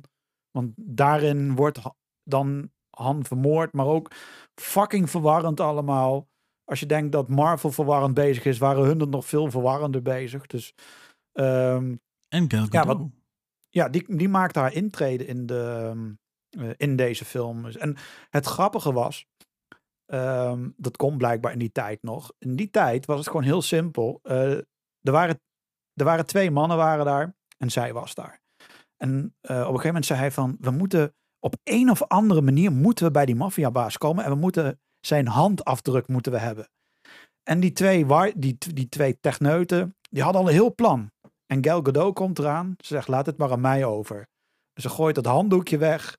Ze laat de haren wapperen. En ze loopt recht op die maffiabaas af. En ze draait zich om. En uiteindelijk aan, daarna komen ze terug. En dan geven ze dat kleine stukje stof wat zij aan had. Wat een broek had moeten zijn. Die leggen ze op de toonbank. En dan zeggen ze, heb je hier wat aan? En die techneuten zeggen, wat, wat moet ik met haar broek? Ja, kijk maar. En daar zit dan de handafdruk van die maffiabaas eh op. Want ze hadden heel plan bedacht om de handafdruk. Maar het enige wat zij hoefde te doen, daar naartoe te lopen. En die maffiabaas zich gewoon vol met zijn hand op haar reet natuurlijk. Eh, en daarmee kwam de handafdruk van die maffiabaas. Dus allemaal van dat soort grappige dingetjes. Dat kan nu natuurlijk allemaal niet meer, want nu mag het allemaal niet meer. Eh, goed, niet, niet te ver. Vroeger was alles beter en dat was het ook. Dat mocht gewoon. En dat vond zij als actrice blijkbaar ook meer dan goed en prima. Eh, dus die scène werd ook helemaal in slow motion afgespeeld in mijn hoofd. Maar het maakt niet uit. Eh, dus dat was gewoon. En zo zat die hele film een beetje. Ja, met dat soort cliché dingen gewoon nog steeds. ja, zat daar gewoon in. Dus dat vond, dat vond ik gewoon tof dat het op die manier zat. En ook die ene ehm, acteur van The Boys. Die, eh, die speelt daar ook nog in mee. Alleen daar is hij nog niet zo eh, gespierd als dat hij In The Boys eh, is. in The Boys is. Want daar is echt nog wel een redelijk ielig dan- mannetje. Je bedoelt dan Boetje? Nee, nee, nee, die andere Oh, acteur. oké. Ja, ik heb dan gisteren toevallig een Boetje gezien in Lord of the Rings, Two Towers en Return to the King.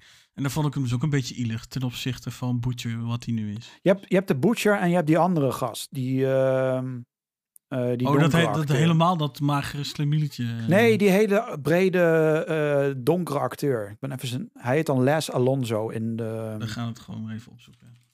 We gaan weer onvoorbereid. Ik weet echt totaal even niet... Hier staat bij dat hij Modders Milk heet, maar zo heet die gast toch niet? Is, die, Uit, is de Boys The van Boys. 2019 al? Ja. Hij heet toch niet Modders Milk? Maar hij heet Modders Milk in, eh, in The Boys. Nooit geweten dat hij zo heette. Maar die acteur die speelt dus ook in de Fast film. Les Alonso. Ja. Maar in die film is hij echt nog gewoon een, een ielig mannetje. Maar bij The Boys is het echt gewoon in één keer alsof hij twee, drie keer breder is dan dat hij eh, ja, in deze film eh, was. Dus dat was wel dat ik dacht van, hé, hey, ik ken hem. Ja, dus die. Dus, dat. Maar wat een Ja, naam. Ja, nooit geweten dat hij in The Boys zo heette, joh. Ik had echt, ik had wel een idee dat hij een andere naam had, maar niet zo. Maar ja, oké. Ik durf er eigenlijk ook niet op te googlen, want deze termen geven ook misschien wel iets andere resultaten. Dus ik ben blij dat ik, dat ik The Boys krijg en niet andere dingen. En ik ben blij dat jij dat ook krijgt. Dus we zitten wat dat betreft op dezelfde denkwijze. Eh, maar ja, dat, op zich een, ehm, een toffe film. Maar je merkte wel, deze film voelde aan als een reboot van de serie. Omdat het echt wel afscheid nam van... Ah, we gaan gewoon rondjes rijden. Nee, we gaan nu... eh, volgens mij was het in deze film al, dat weet ik niet zeker. Of was het die film daarna? Nee, die film daarna was dat ze echt helemaal los gingen. Maar dit was echt nog... Dit was een film waarbij we langzaam naar een heist movie eh, gingen. En dat ze iets meer eh, een lange termijn filmserie wilde maken. Want de eerste twee, drie films zijn denk ik niet van tevoren op die manier bedacht van, ah, we gaan, we hebben één verhaal en het spreiden over drie films. Eh, dat is gewoon op het succes van de film is dat op die manier gemaakt. En bij deze merkt hij echt van, los van de benaming, eh, we gaan nu een filmserie uitschrijven en we gaan dit maken voor de komende jaren. Dat merkt hij wel dat dat eh, nu langzaam ging gebeuren. Dus we namen echt afscheid van het oude en we gingen door naar, ja, naar het nieuwe. Ja, precies. Ja, ja, misschien was het ook wel een beetje een reboot, want er zit volgens mij tussen die twee ook nog wel... Ja, er zit drie jaar tussen. Er zit drie jaar tussen, ja. Dus er Dus zit aardig wat tijd tussen. En tussen 1 en 2 zit twee jaar. Dus nou, dan, dan valt het nog mee. Ik dacht, er zit misschien wat meer, wat meer tijd tussen. Om het dan inderdaad ook wat meer reboot te laten zijn. Maar dat valt dus wel mee. Ja, precies. Maar het, het voelde wel aan als een reboot, alleen al de naam. Want de naam is exact hetzelfde op een paar letters na. Dus ja, dat voelde al eh, aan als een reboot. In de volgende, de Fast Five, ja, daar komt in één keer... Wat vind je van de acteur The Rock? Kunnen we hem een acteur noemen of niet? Verschillend, man. Ik, eh, het, het ligt echt... eh, ik heb echt... Ik heb echt eigenlijk een beetje het idee dat... ehm, dat Dwayne, heet hij, eh, Dwayne Johnson...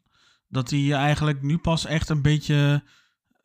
ja, los begint te komen. Volgens mij is Fast and the Furious 5... Volgens mij ook een film wat uitgebracht is voor Jungle Cruise. Om even een voorbeeldje te geven waar hij ook in speelt. En even kijken, Jungle Cruise. Ja, Jungle Cruise is een 2021 American Fantasy Action Adventure. Ehm, dus ja, in het begin moest hij het gewoon vooral hebben van zijn naam als worstelaar. Ja, precies. Eh, maar tegenwoordig kan hij op zich wel goed spelen, vind ik. Ik bedoel, in eh, Jungle Cruise zie je dat bijvoorbeeld, maar ook in. eh,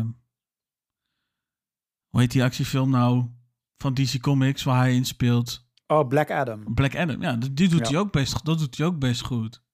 Ik vind dat een van zijn beste films. Vooral omdat hij daar echt wel een goede Jungle Cruise of Black Adam? Black Adam. Omdat hij daar echt wel... Daar is, daar is hij niet meer grappig. Ook gewoon. Tot, in Jungle Cruise is hij nog die grappige acteur. Maar in Black Adam... Ja, Is hij natuurlijk totaal ook wel niet. omdat Jungle Cruise ook totaal geen Nee, maar ik bedoel maar gewoon... Van dat hij, is. tuurlijk, maar hij had ook wel wat grappen en gollen in Black Adam kunnen doen. Maar hij probeerde daar echt wel een serieuze tegenhanger Hmm. van Superman neer te zetten. Dat, dat, dat is ook best goed gelukt, vind ik. En dat vind ik inderdaad ook wel. De vraag die ik stelde was ook niet zozeer van eh, dat ik het tegenovergestelde, maar het, hij begon natuurlijk vooral met die andere kleine gast, Kevin Hart. Als die twee in één film zitten, ja, dan is het echt lachen Ja. hier en brullen. Eh, en in deze film, in deze film voelt hij heel erg als ik ben The Rock. En dat, zo is hij. Het voelt alsof hij daar niet in acteert of zo. Ik weet niet. Het voelt, ik heb hem natuurlijk nooit ontmoet, zal ook nooit gaan gebeuren. Nou, zeg Maar- nooit nooit. Zeg nooit nooit. Maar het idee, hij, hij, hij is wel precies geschikt voor deze film. Voor deze hele franchise en waar ze naartoe gaan. Want kijk, je had natuurlijk altijd dat Vin Diesel was altijd een beetje die, die grote rots. Dat was de man en om hem draaide het. En nu zetten ze daar in één keer de Rock tegenover. Die gewoon zes keer breder is en tien keer groter is dan dat, dan dat Vin Diesel al is. En gewoon die twee eh, gespierde gassen tegenover elkaar in één film. Eh, dat vond ik heel tof. Want in, in, in deze film zijn ze vooral nog. eh The Rock is natuurlijk de agent. Die gewoon de hele wereld over mag vliegen. En iedereen mag oppakken. En doe maar wat je wilt. eh badge heeft. En Vin Diesel, ja, die is dan de gezochte crimineel. Maar ja, je raadt het natuurlijk al. Het wordt een familiefilm. En, eh, handjes aan elkaar. En uiteindelijk worden ze toch vriendjes van elkaar. En aan het einde van de film laat The Rock dan toch hem weer gaan. Van ja, dit en dat. Maar ik geef 24 uur en dan kom ik je halen. Dat, dat, dat idee een beetje. Ze zijn bevriend, maar ook weer niet. En ik vond, dat wel, ik vond het wel tof dat, dat The Rock zijn intrede maakte in deze franchise. Want hij, dit is wel echt zo'n eh, zo'n spierbundel filmfranchise geworden. Ja. Waarbij Paul Walker natuurlijk helemaal weg wordt gedrukt. Want ja, wat je al zei, is een heel ielig mannetje. Vooral naast deze, eh, deze belachelijke gasten. Eh, dus ik, ik weet niet waar jij van, van, van The Rock en de, maar ik, hij past wel goed in deze franchise. Ja, als, eh, als ik kom hier trouwens een mooi plaatje tegen van hun. Eh, als, in dat opzicht is, is het gewoon een mooie, een mooie tegenpol. Waar eh, Vin Diesel, of Dominic dus, vooral ja, dan dus eigenlijk de bad guy is. De gespierde bad guy is, is Hobbs, is dan, eh, eh, is dan de, gespier, de, de spiermassa van ja, de good guy zou ik maar even zeggen, omdat hij dan juist de agent is en dus de boel, ja, volgens, volgens de wet en alles wil eh, laten verlopen natuurlijk. En dus hun wil oppakken. En ik vond het zelfs zo dat, dat hoe heet eh, The Rock, hij nam zelfs een beetje de, de film over. In de zin van, ik ben nu nieuw. Hij trok die film als karakter ook echt naar zich toe. Het was in één keer dat Vin Diesel was in één keer nu de tweede viool. En The Rock was in één keer de man in deze film. Want hij was veel harder in deze film en veel beter dan dat. eh, je merkt echt, eh Vin Diesel werd eventjes aan de kant een beetje geschoven en werd weggedrukt. Want ja, The Rock die komt eraan en later veranderde dat een beetje. Eh, maar ja, hij drukte hem echt weg. En dat is ook later in het echt ook gebeurd. En dat ik eerder zei, die twee hadden gewoon enorme ruzie op de set. En weet ik het allemaal. Maar ja, dat krijg je als je twee van die spierbundels tegenover elkaar zet. Daar zit niet veel eh, knikkers eh, tussen de oren. Eh, dus ja, dan krijg je dat soort dingen. Maar ik vond wel heel tof hoe dit... Ja, hoe, hoe de film veranderde in die tijd. Vond ik wel tof. Want ze hadden ook kunnen zeggen, nou, we gaan gewoon weer hetzelfde doen. Of we stoppen met de serie. Maar ze hebben toch op zijn minst... Kijk, los van of je het nou tof vindt of niet ik vind wel ballen hebben om in één keer te zeggen: Weet je wat? We gaan alles veranderen. We gaan gewoon een, iets anders proberen met deze film. En we zingen het gewoon uit. Want het is de langslopende filmserie eh, tot nu toe. Want er is geen enkele andere film die zoveel films heeft geproduceerd vanaf die tijdsperiode. En nu nog steeds eh, bestaat en nog de komende twee, twee, drie jaar nog doorgaat en dan stopt. Dus Bond? ik, ik vind het wel knap. Welke? Bond? Ja, nee. Ja, Bond is wat anders. Ik zei ook één van de. hè. Het is één van de. Maar er zijn er niet veel die dat. Kijk, James Bond is echt gewoon een traditionele film die gewoon elke keer terugkomt, een hoog niveau heeft. En ik snap dat daarvoor. Maar ik had nooit verwacht. Want laten we heel eerlijk zijn, dit zijn geen hoogvliegende films. Nee. Dit zijn geen films waarvan je denkt van, zijn hier zoveel van gemaakt? Maar toch hebben deze films heel veel, eh, eh, hoe heet dat, eh, naar de bioscoop weten te trekken. Eh, hoe heet dat? Lekker belangrijk. Het is in ieder geval, heeft in ieder geval box office. Het heeft in ieder geval genoeg box office elke keer opgeleverd om toch maar weer een vervolg te rechtvaardigen. Want ja, dat, tegenwoordig wordt een film niet meer zo snel, eh, krijgt ze zo snel meer een vervolg. Dus dat dit continu toch maar een vervolg heeft gekregen, nou, vind ik op zich best wel knap. Best wel netjes. Ja, zolang het natuurlijk in de box office eh, een boel opbrengt en op blijft brengen, ja, waarom zou je dan ermee stoppen?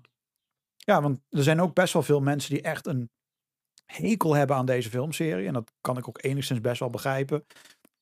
Maar dit is zo'n film wat je gewoon lekker op de zaterdagavond aanzet. Of in jouw geval waar je naar, naar de bioscoop voor gaat. Want dit zijn wel echt hele toffe filmervaringen. Dit is gewoon verstand op nul. En kom maar op met die popcorn en cola. En, en dat is het. Dus je, hoeft, je hier voor de rest ook niet over na. Aan het eind van de film als iemand vraagt waar ging dit over? Dan kijk je hem aan en zeg je, ja, de popcorn was lekker, man. Weet je, dat is het. Meer zou ik niet kunnen zeggen dan dat. Voor de rest zijn het gewoon hele vette, toffe films. Dus ja, ik vond het gewoon eh, wat dat betreft cool. Eh, dan vliegen we een beetje door naar de film met de, misschien wel, ik denk als je de Guinness Book of Record eh openslaat, dan staat hij erin, met de langste landingsbaan. Dat was een scène geloof ik, van 20 minuten. En 20 minuten lang heeft die vliegtuig erover gedaan om op te stijgen. Het was echt de langste landingsbaan uit de filmgeschiedenis. Daar eh, eindigde de film mee. En daar gebeurde dan ook natuurlijk dat daar eh, jou en mijn favoriete actrice Gal Gadot dan het leven liet in die film. Het echt heel... dat was echt teenkrommend hoe dat ook was gedaan. Maar ja, daar namen we afscheid van haar. En dacht ik echt van... Ja, weet je, het zal allemaal wel. Ik vind dat wel prima. Maar ja, op zich ging die film gewoon... Daar, kunnen, we- daar hoeven we niet zo heel erg lang, denk ik, bij stil te staan. Eh, die film... nee, de- nee, ik zit trouwens helemaal verkeerd wat ik nu net zeg. Dat, dat gebeurt pas een paar films later. Deze film, Oh. dat gebeurt later. Deze film, draait om één ding, om een hele lange snelweg. Een vrachtwagen. En uit die vrachtwagen breekt een tank. En die tank die raust over die hele eh, snelweg heen. Die schiet alles in de kloten. Eh, en dat is deze film in een notendop. Deze film gaat wat dat betreft niet zo heel erg ver de diepte in. Behalve het was een Ja, herhaling en van... die, en die hele lage auto, toch? Hele lage auto, ja. Moet ik even gewoon zoeken. Was dat Die lage film? auto waarmee ze dan die andere lieten om... Oh ja, ja, ja, precies. Ja, die Batman, eh, die Batmobile zonder, zonder carrosserie. Ja. Klopt. Ja. Ja. ja. precies. Dat was inderdaad deze film. Dat was. eh, ik zat even. Gal Gadot gaat gelukkig later in de filmserie. eh, ze, ze, ze is er nog. Ze is er nog. Eh, en even kijken, zijn er nog meer acteurs die een intrede maken? Natuurlijk Luke Evans, die kwam erin voor. Die was dan, of is de broer van de volgende eh Shaw-gast. om hem draaide het een beetje, want hij is dan hier in deze film eh, de bad guy. Ehm gecancelde actrice Gina Carreno, die, eh, die, die komt hier ook. Zij speelt naast eh The Rock, geloof ik.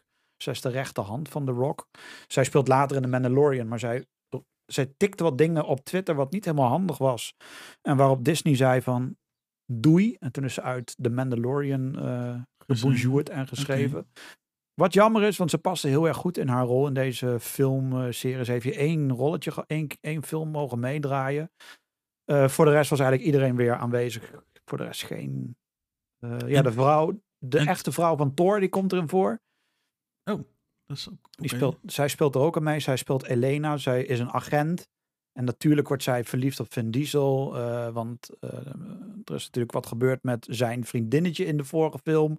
Oh jee. Eh, ja. oh jee, ja, daar, daar komt het drama. Daar Ik komt het ik drama. het, ja, ja, ja. het. De viool, ik, ik, nou, ik was helemaal vergeten dat zij ook zogenaamd komt te overlijden in de film. Noem het dan maar op. Maar hey, ze leeft later weer. Hè? En trouwens, van- wat eh, ook in de film gebeurt natuurlijk, is dat ze zo'n huge vliegtuig opblazen. Zo'n eh, Antonov eh, vliegtuig. Eh, Oké. Er kwam, kijk, als je in Arnhem woont, dan met bevrijdingsdag en dat soort dingen, dan. ehm, Het is op bevrijdingsdag geweest, dat was gisteren, vriend. Ja, dat is gisteren. Maar altijd de dagen daarna. je hebt ergens hier in de buurt heb je een vliegveld. En dan hebben ze de neiging om die hele grote vliegtuigen, die grote bommenwerpers, om die hier over het huis Mm. heen te laten vliegen. Dus eh, vandaar dat ik even, jullie hoorden het misschien wel of niet, maar er kwam nee, weer een nee, hele ik, ik grote hoorde het- bommenwerper. Ik hoorde, eh. ik hoorde het in ieder geval niet. Oké, nee, ik deed even heel snel het raam Maar- dicht, want er kwam weer een gigantische bommenwerper Op, over. op, op zich wel ironisch, want ik had het dus ook over de scène dat in Fast and the Furious 6 dat dan dus zo'n Antonov eh, vliegtuig opgeblazen wordt.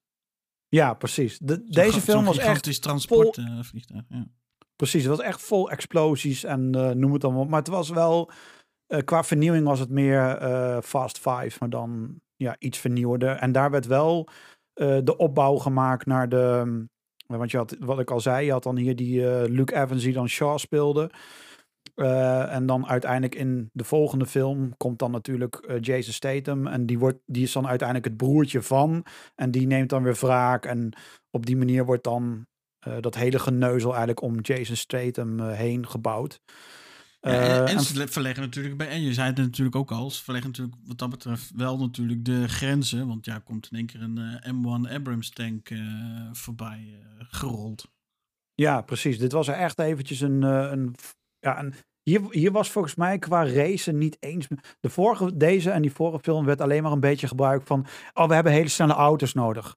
Ah, we gaan wel even racen. En dan wonnen ze, eh, z- kozen ze er twee uit van ja, tegen jou gaan we racen. Want ja, we vinden die auto mooi. En ze wonnen dan ook wel weer. En ze wonnen die auto dan ook, werd verbouwd, noem het allemaal maar op. Dus dat was een beetje al, daar werd echt van, oh ja, shit, we zijn van origine een, een autorace, illegaal dingetje. Oh ja, dat moeten we hier ook in doen. Dat, dat, dat werd dan even erin gemoffeld, als het ware. En dat was wel jammer dat dat, ja, dat, dat had wel wat meer diepgang. Of tenminste iets meer straatrace had. Of op een gegeven moment werden ze heel lui. En dan zag je dat ze alleen aan de start stonden. En dan daarna, een paar seconden later, waren ze al, gingen ze weer eh, terug en hadden ze die auto's gewonnen. Dan zag je die hele race, die werd gewoon ja, die werd gewoon niet gereden op, op camera. En dat was wel jammer. Dat ik dacht van, joh, besteed vijf minuutjes eraan. Maak even een vette race. En, maar dat was van, oké, we hebben hem. We kunnen verder. En toen gingen ze uiteindelijk dan verder. Dan dacht ik van, ja, oké. prima. Maar dat was een beetje de hoogtepunt van die film. eh, een, een snelweg, een grote auto en een tank. Dat is wat ik letterlijk... eh, en, het, en het ging ook helemaal naar, eh, naar Engeland toe. Dus we gingen op dat moment naar de UK toen, in die tijd. Dus was leuk, was prima. Iedereen kon ook in één keer perfect aan de, aan de linkerkant volgens mij rijden hè, in Engeland. Ja, ja, ja, Iedereen reed, iedereen reed perfect links. Als ik ooit naar Engeland zou gaan, ik waarschuw van, de van, van tevoren iedereen, want ik weet zeker dat ik compleet de verkeerde kant rijd, maar dat maakt niet uit. Eh, dat lijkt me heel verwarrend, maar hun reden perfect aan de goede kant de hele tijd. Ja, heel knap. Op zich is dat, Dus dat- niet zo heel moeilijk, toch? Dat lijkt me echt fucking ingewikkeld. Omdat ik nu, nu ben je gewend om de hele tijd aan een compleet andere kant te rijden. En je komt altijd op een andere kant uit. En nu, ja, mijn hersenen zouden dat niet kunnen snappen van, gas, je moet op die andere rijbaan. Ik zou deze denken, maar ik rij, ik rij gewoon tegen het verkeer in. Of iedereen rijdt tegen het verkeer in. Joh, dat zou ik niet kunnen. Maar dat echt, ligt ja? misschien ook, nou dat zou ik niet kunnen. Maar dat ligt misschien ook, ik rij pas eh, een jaartje of vier, vijf zo. Dus het valt nog wel heel erg mee. Dus, maar nee, ik zou niet zo graag naar Engeland willen gaan, want eh, dat zou niet zo heel erg eh, goed zijn voor. Of ik moet een tank hebben, dan maakt het niet uit. Maar ik, ik ga niet met de Clio naar Engeland, want dan, heb, dan heb ik, kom ik wel terug met een iets kleinere auto en iets meer schade dan dat ik laatst had. Dus la- laten we dat niet doen. dan kom ik terug ik moet, met een. ik, ik eh, moet opeens aan een eh, tv-reclame denken. Van Peugeot was dat geloof ik destijds. Ik weet even niet meer hoe, eh, wat exact. Maar dan gingen ze van een auto X naar een auto Y met allerlei deukjes en weet ik het wat. Was wel grappig om te zien. Ik zou die gast zijn dat, dat, dat, je dan op, dat je die twee oudjes ziet rijden en dat je dan hoort, op de radio hoort. Er staan een hele grote file, die twee oudjes kijken. Maar er is helemaal geen file. En dan gaat die camera draait om en dan zie je de hele file achter hun, Ja, omdat hun heel langzaam rijden. Eh, dat, dat, die gast zou ik dan zijn. Dus ja, dat was dan ehm, in 2013. Heb, je- heb je trouwens de meeste films, ben ik benieuwd, in de bioscoop gezien of gewoon thuis op DVD of whatever? Ik heb van deze film geen enkele in de bioscoop gezien. Geen enkele? Wauw. Ik heb ze allemaal tot de laatste. Zeg ik dat goed? Ja, tot de laatste. Dus in 2017 was dan de laatste film. Die heb ik allemaal in de bioscoop gekeken. Allemaal. Nee, ik heb, ik heb geen ene in de bioscoop gezien. Niet, niet dat ik me bewust kan herinneren in ieder geval. Ook niet als jong jochie, toen je nog een kleine, toen je nog een kleine Gert-Jan was, 2001. Nee, maar toen deed, ik hem, toen deed ik heel weinig met films en series. Ah, oké. Ja, ik weet wel. Ik heb ze allemaal in de bioscoop gezien toen. Ik bedoel, dat zei, Ah, dat zei ik laatst ook al een keer. Dat is echt iets in de laatste jaren pas eigenlijk dat dat echt losgekomen is.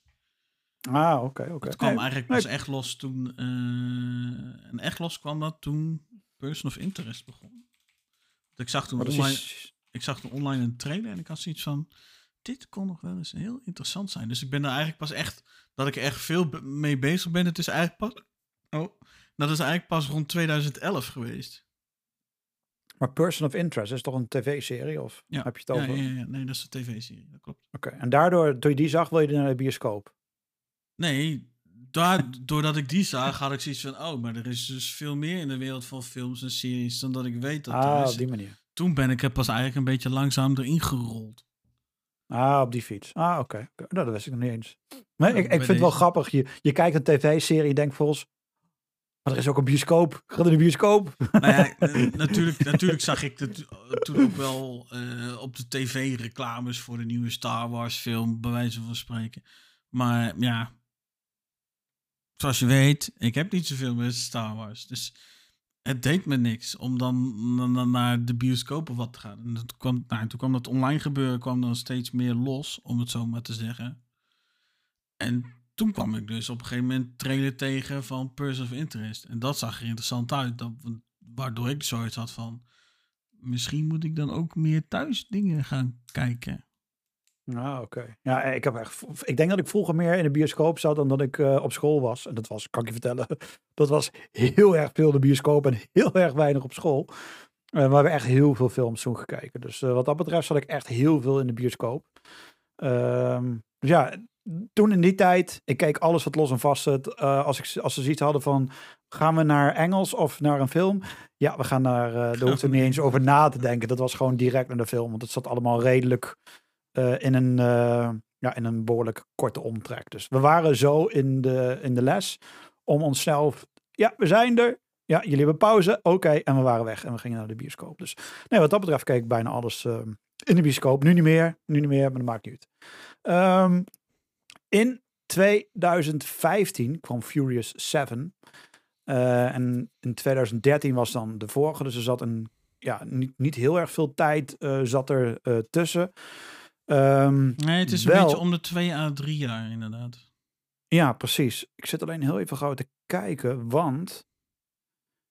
Ja, ja, dit was natuurlijk Furious 7. En dat was eigenlijk de, de film die helaas ja, toch wel ervoor zorgde dat de hele serie toch wel ging veranderen.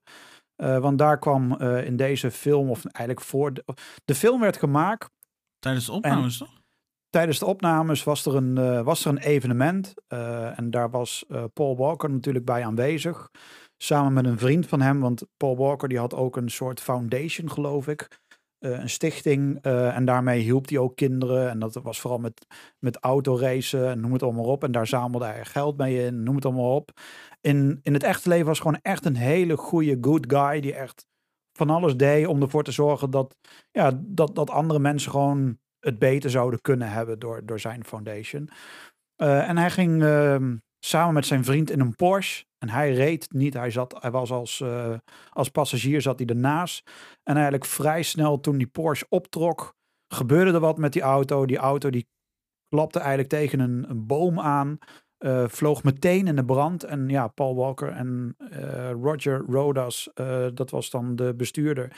Die waren eigenlijk meteen op slag dood. Dat was best wel, ehm, best wel heftig. Die beelden hebben, hebben toen misschien, ik weet niet of jij ze hebt gezien, maar die waren toen best wel vrij snel op het internet waren die te zien. Allereerst van de foto's. We hebben in onze notitieding hebben wij een foto van die auto. Nou, dat is echt, normaal zou ik daar een grap over maken. Van, dat, maar deze auto, dat is niks, maar dan ook niks meer van over. En dan het idee dat deze twee mannen daarin zaten en eigenlijk meteen gelukkig dan, zeg ik dan, klinkt gek, maar gelukkig waren ze meteen op slag dood. Want die hele auto is volledig afgeband. Je moet je niet voorstellen dat die mensen, die twee, ja, hebben geleden daardoor. Eh, want als je ziet hoeveel vuur en weet ik het allemaal, verschrikkelijk om die foto's te zien. Uh, dus ja, hij was eigenlijk meteen uh, op slag dood. Uh, daarna, en volgens mij vrij recent nog, uh, heeft de familie, uh, de familie Walker, die heeft Porsche destijds ook aangeklaagd. en volgens mij is die zaak vrij recent afgesloten. Maar daar had ik me eigenlijk in verdiepen, maar dat, dat kom ik nog wel op terug. want ja, hoe kan het dat een auto als deze van de weg afvliegt? Dat was de eerste vraag, want beide, ook al reed Paul Walker niet, maar zijn vriend die reed, die waren, zijn toch allebei redelijk ervaren coureurs. Of in ieder geval bestuurders. Uh, dus de vraag was van ja, oké, waar ligt het aan? Hebben hun, heeft hij een fout gemaakt? Heeft de auto iets gehad waardoor die ze dus controle kwijtraakt? En volgens mij tot op de dag van vandaag uh, is er nog steeds geen echt definitief antwoord uh, op. Wat het zou kunnen zijn. Waar waren toen heel veel speculaties dat de remmen het niet deden of weet ik veel wat. Maar helaas, hij was zo'n uh, overleden. En dat was eigenlijk midden in uh, de opnames van uh, Fast 7. Um, en wat ze toen hebben gedaan, ze hadden toen ervoor, ze hebben ervoor gekozen om uiteindelijk zijn broer, Cody Walker, die redelijk net niet, net niet één druppel, net niet twee druppels waren. Als je naast elkaar ziet, dan zie je verschil. Maar ze leken redelijk op elkaar. En Cody Walker, die heeft eigenlijk de, um, de scènes opgenomen waar, wat nog niet opgenomen uh, was. En toen hebben ze uiteindelijk, toen in die tijd, dus je praat wel over 2015 en we hebben het over de tijd dat Kijk, Disney heeft nu gewoon die CGI van gezichten perfect onder de knie. Die, kunnen die pakken nu een, een jonge Mark Hamill, die plakken dat op een acteur en bam, we zien daar de jonge Luke Skywalker. Uh, maar in die tijd was het totaal nog niet mogelijk. Dus ze hebben toen wel geprobeerd en het toffe is, je ziet het. Uh, in die tijd zag je het gewoon niet van, oh, dat is zijn broer. En ze hebben de gezicht van Paul Walker, zeg maar, digitaal erop geplakt. Uh, nu zie je het natuurlijk wel, omdat er gewoon, ja, je ziet gewoon het verschil tussen CGI van toen en nu. En eh, wat dan ook opvalt, is de momenten dat eh, Paul Walker in de film eigenlijk niks zegt. Maar er wordt wat tegen hem gezegd, maar hij geeft geen antwoord. Dat is dan het moment eigenlijk dat zijn broertje Cody Walker dan eigenlijk de, de rol van hem heeft overgenomen. Eh, dus er zijn best wel veel filmscènes eh, met eh, Cody Walker, die dan uiteindelijk, ja, eigenlijk de broer, zijn broertje eigenlijk nader, want de, de filmserie, die heeft ook een tijdje stilgelegen, want de opnames waren eigenlijk al meteen na Fast Six begonnen, dus in 2013. Eh, en hij is ook overleden in eh, 2013, Paul Walker. Dus het is allemaal vrij snel. eh, hebben ze, ja, ze hebben dat stilgelegd, verder gebracht. Ehm, ik weet niet, heb jij wat in die tijd meegekregen van, eh, van dat hele ongeluk? Of, Eh, destijds niet zo heel gigantisch film. Wel natuurlijk dat eh, iemand overleden was en eh, nou bezig met opnames voor, Fast, voor de nieuwe Fast and Furious film die laat zou komen en dat nog niet duidelijk was hoe dat men daarmee om zou gaan binnen de filmserie. ja, precies. Dat, dat vooral. En nou, later kwamen dan inderdaad beelden en de video's en dergelijke voorbij. Trouwens, eh, de rechtszaak is al sinds 2017 eh ge, ge, hoe noem je dat? Eh, Gesetteld. Ja, ik zie die hadden het inderdaad Geschikt, doorgestuurd. hè? Geschikt, En, inderdaad. eh, dus het is al eventjes en op, ja, op basis van allerlei gronden. Zowel de familie van eh, Radas, Rodas eh, sorry, eh, aangeklaagd als Porsche inderdaad. Ja, precies. En uiteindelijk, ehm, ze hebben ges- eh, dan gesetteld, maar uiteindelijk is dan niet bewezen of het nu aan de auto lag of aan de bestuurder. Dus ze hebben gewoon gezegd van, ja, dit is gewoon een tragisch ongeluk, wat ook gewoon kan. Eh, maar ja, je wilt natuurlijk wel als familie zijn, en dat zou ik ook willen. Waar zou het aan gelegen kunnen hebben? Eh, want anders dan, stel dat het aan de auto zou hebben ge- gelegen. Ja, dan moet die auto wel zo snel mogelijk weer terug, eh, wereldwijd. Omdat dit soort dingen kunnen, want hun, dit was echt, hun hebben maar een paar honderd meter gereden. Dit was echt niet dat hun al kilometers, hun reden echt net eh, die garage uit. En dit was echt een paar honderd meter later dat die auto daar tegenaan klapte, in de brand vloog. En hun waren echt al meteen op slag dood. Dus dat was best wel, ja, best wel pittig eh, om te zien. En wat wel tof was in die tijd, want ik heb toen echt alles gevolgd eh, van hun. Want ik was zo'n best wel overstuurend. Want ik volgde die filmserie best wel goed. Ik vond best wel toffe films. Eh, was er best wel in geïnvesteerd. Toen was ook heel veel van die acteurs, vooral die ene acteur waar we het eerder over hadden, die Roman eh, speelde, die, die was ook naar dat punt gegaan. En wat, wat tof was, en dat heb je ook met, dat hadden we het laatst ook over met die andere acteur die was overleden. Dat in één keer al die gamers in eh, Destiny bij elkaar kwamen en dan een laatste eerbetoon gaven. Ja, aan, aan Lance Reddick inderdaad. Eh, dat was tof om te zien hoe dan de fans afscheid namen van hem als character in game. En wat toen tof was, is dat toen over de hele wereld iedereen met een getunede auto allemaal bij elkaar kwamen. Niet om een excuus te hebben van nou, we gaan hier even lekker stoer lopen doen. Nee, maar iedereen vond het gewoon.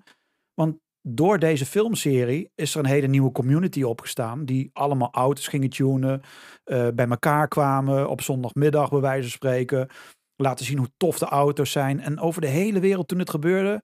Al die auto's kwamen uit de garage. Gingen kilometers eh, achter elkaar rijden met die verlichting. Gingen bij elkaar staan. En herdachten eh, Paul Walker op dat moment. En dat moet ik toegeven. Dat vond ik echt tof. Want natuurlijk, eh, de mensheid is redelijk slecht over het algemeen. En vooral als we Avatar moeten geloven, zit helemaal niks goeds in ons. Maar als je bij dit soort dingen kijkt, ook bij dit, het is een platte film. Het slaat helemaal nergens op. Maar toch zijn er wereldwijd allemaal fans bij elkaar gekomen om hem wel te eren Om te En- gedenken, ja. en, en te gedenken. En het toffe was, die, eh, die Tyrese, eh, die kwam daar en die stond daar en die zag al die fans er staan en die klapte gewoon helemaal in. Die stond daar gewoon te huilen als een klein kind. En het, het toffe was dat hij ook merkte van, soms, ik heb soms het idee met acteurs dat hun niet doorhebben wat voor impact hun film of hun rol is op, op hun fans. We kijken nu naar Yellowstone, waarbij Kevin Costner een beetje uit de hoogte begint te doen en het niet doorheeft hoe trouw zijn fanbase is en hoe fan wij zijn van een serie of een film. Dat hebben hun volgens mij niet altijd door. En eh, die Tyrese, hoe die daar stond, volgens mij had hij toen ook nog niet door wat voor impact dat had. Totdat hij daar stond en dacht van, wow, shit, dat, dat, het is meer dan alleen maar wat we nu doen.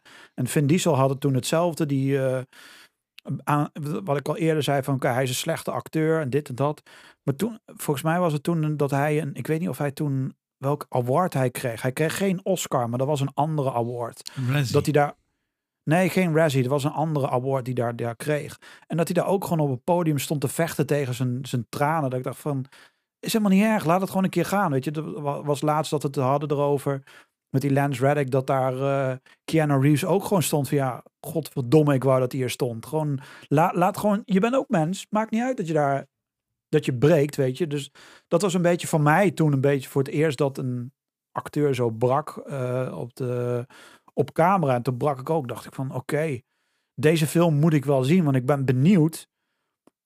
Wat gaat, de, wat gaat deze film doen met de karakter van Paul Walker, Brian O'Connor? Wat gaan ze daarmee doen? Daar was ik echt heel erg nieuwsgierig naar.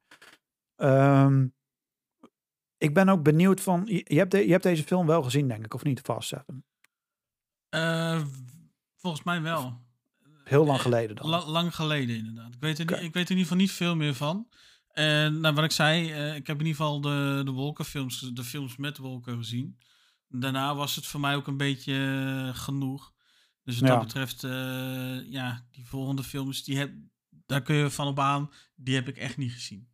Nou ja, goed. We, hadden dan Furious 7. En ik zei het helemaal, want mijn- pa die had dan, die was ook net als ik best wel, we waren best wel veel slag. Is raar, maar soms heb je met een acteur die in het echt komt overlijden, ben je gewoon heel even een beetje, een beetje van slag. Nou, dat hadden wij ook. Dan zei ik van, nou oké, laat, laten we gewoon in de bioscoop gaan. Dus we zaten in de bioscoop. En eh voor ons zaten een paar kinderen, weet je. En eh, het, wa- het waren meer jongeren dan dat, we, dat er ouderen waren in, in ons geval. Dus wij zaten daar. En toen kwam dat einde. En eh, het einde van de Fast and Furious 7 vind ik op zich één van de meest respectvolle eindes die je ooit voor een acteur zou kunnen neerzetten. Want wa- wat je ook kan vinden van de Furious films is het einde van Seven, hoe ze dat hebben gedaan.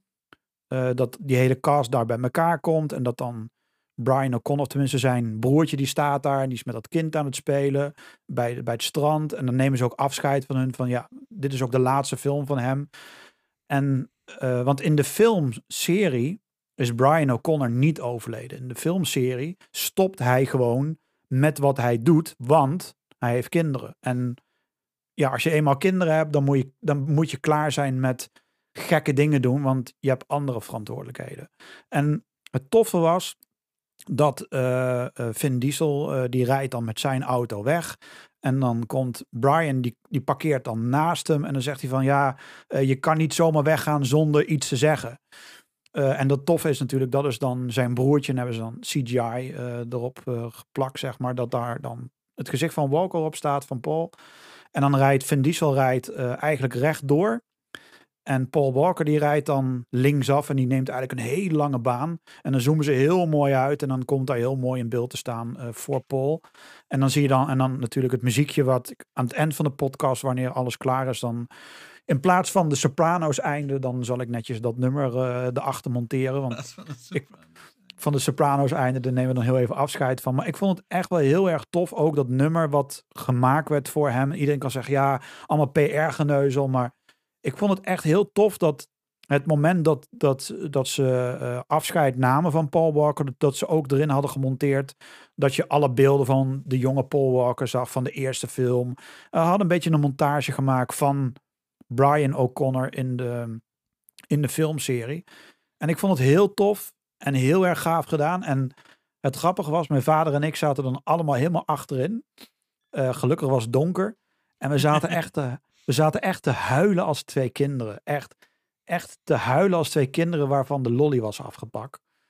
Eh, want ja, ik voelde gewoon die emotie van, ja, je neemt afscheid van een acteur die je, ja, die je gewoon heel veel in films hebt gezien. En ja, soms raak je dat en soms niet. En in dit geval raakte dat heel erg. En er zaten echt kinderen voor ons, die zaten een beetje te lachen. En te want die begrepen niet wat, dat, daar stond voor Paul. Die hadden waarschijnlijk niet door dat die acteur in het echt was overleden. En die, die waren nog niet eens geboren toen de eerste film kwam, bij wijze van spreken. die waren echt, misschien waren hun ouders Nou ja. niet zo jong. Waren, waren ze, dus, maar gewoon, en ja, wij zaten daar dat echt te huilen en die kinderen gingen weg. En we hadden echt zoiets van, oké, even ademhalen. Maar ik moet echt zeggen dat ik weinig van dat soort mooie, respectvolle eindes heb gezien in een film van een acteur dat ze dat op die manier deden. Vond ik heel knap, heel netjes en heel erg tof gedaan. En heel erg eervol ook ja, naar hem toe om dat op die manier te doen. Dat die film was opgedragen aan hem. En gewoon heel tof einde gemaakt. En ja, ik heb het toen al vaker gezegd. Ze hadden eigenlijk ook de franchise daar moeten eindigen. Hier had de streep onder de franchise gemoeten van oké, Paul Walker is overleden. Hoe het ook wel of verkeerd. Hij is in de eerste film begonnen samen met Vin Diesel. De tweede film heeft hij, hij had in die tijd meer films op zijn naam staan dan Vin Diesel en andere acteurs, want hij zat dus bijna in elke film op één na. En dan denk ik van joh, had, had het gewoon als einde gemaakt. Had gewoon, was gewoon klaar. Want alles daarna, er zijn wel toffe, oké films, maar ik mis wel Paul Walker in die film. Want hij was toch, hij en Vin Diesel waren een beetje dat yin-yang effect in die film. En je, je had hem toch wel nodig om, om, in, om die film weer verder voor te zetten. Ja, en dat, dat lukte dan uiteraard niet, want hij is overleden. Maar ze gaan het bij Fast X gaan ze het wel weer doen. Eh, dat eh, Paul Walker weer terugkeert, maar dan ge-CGI'd eh, natuurlijk. Maar ik miste hem, ik miste hem best wel dat nadat ze hem in acht, toen we acht zagen en negen. Ja, ik miste hem wel als character in de, in de film. Want ja, het ook wel verkeerd, hij, hij, hij was geen toffe, goede acteur of zo in die film. Maar hij was wel nodig. Hij, hij hoorde Ja, wel hij, in die hij- film. hij heeft wel iets met, met Brian heeft hij wel iemand neergezet inderdaad. ja, Ja, waar je eigenlijk min of meer, doordat hij ook in zoveel films natuurlijk heeft meegespeeld, eh, eigenlijk ook niet meer eromheen kan. Althans, dat is, wel, dat is wel het gevoel wat ik erbij heb. En dat is ook wel, ja, voor mij is dat ook wel de reden geweest om gewoon ook niet verder te kijken.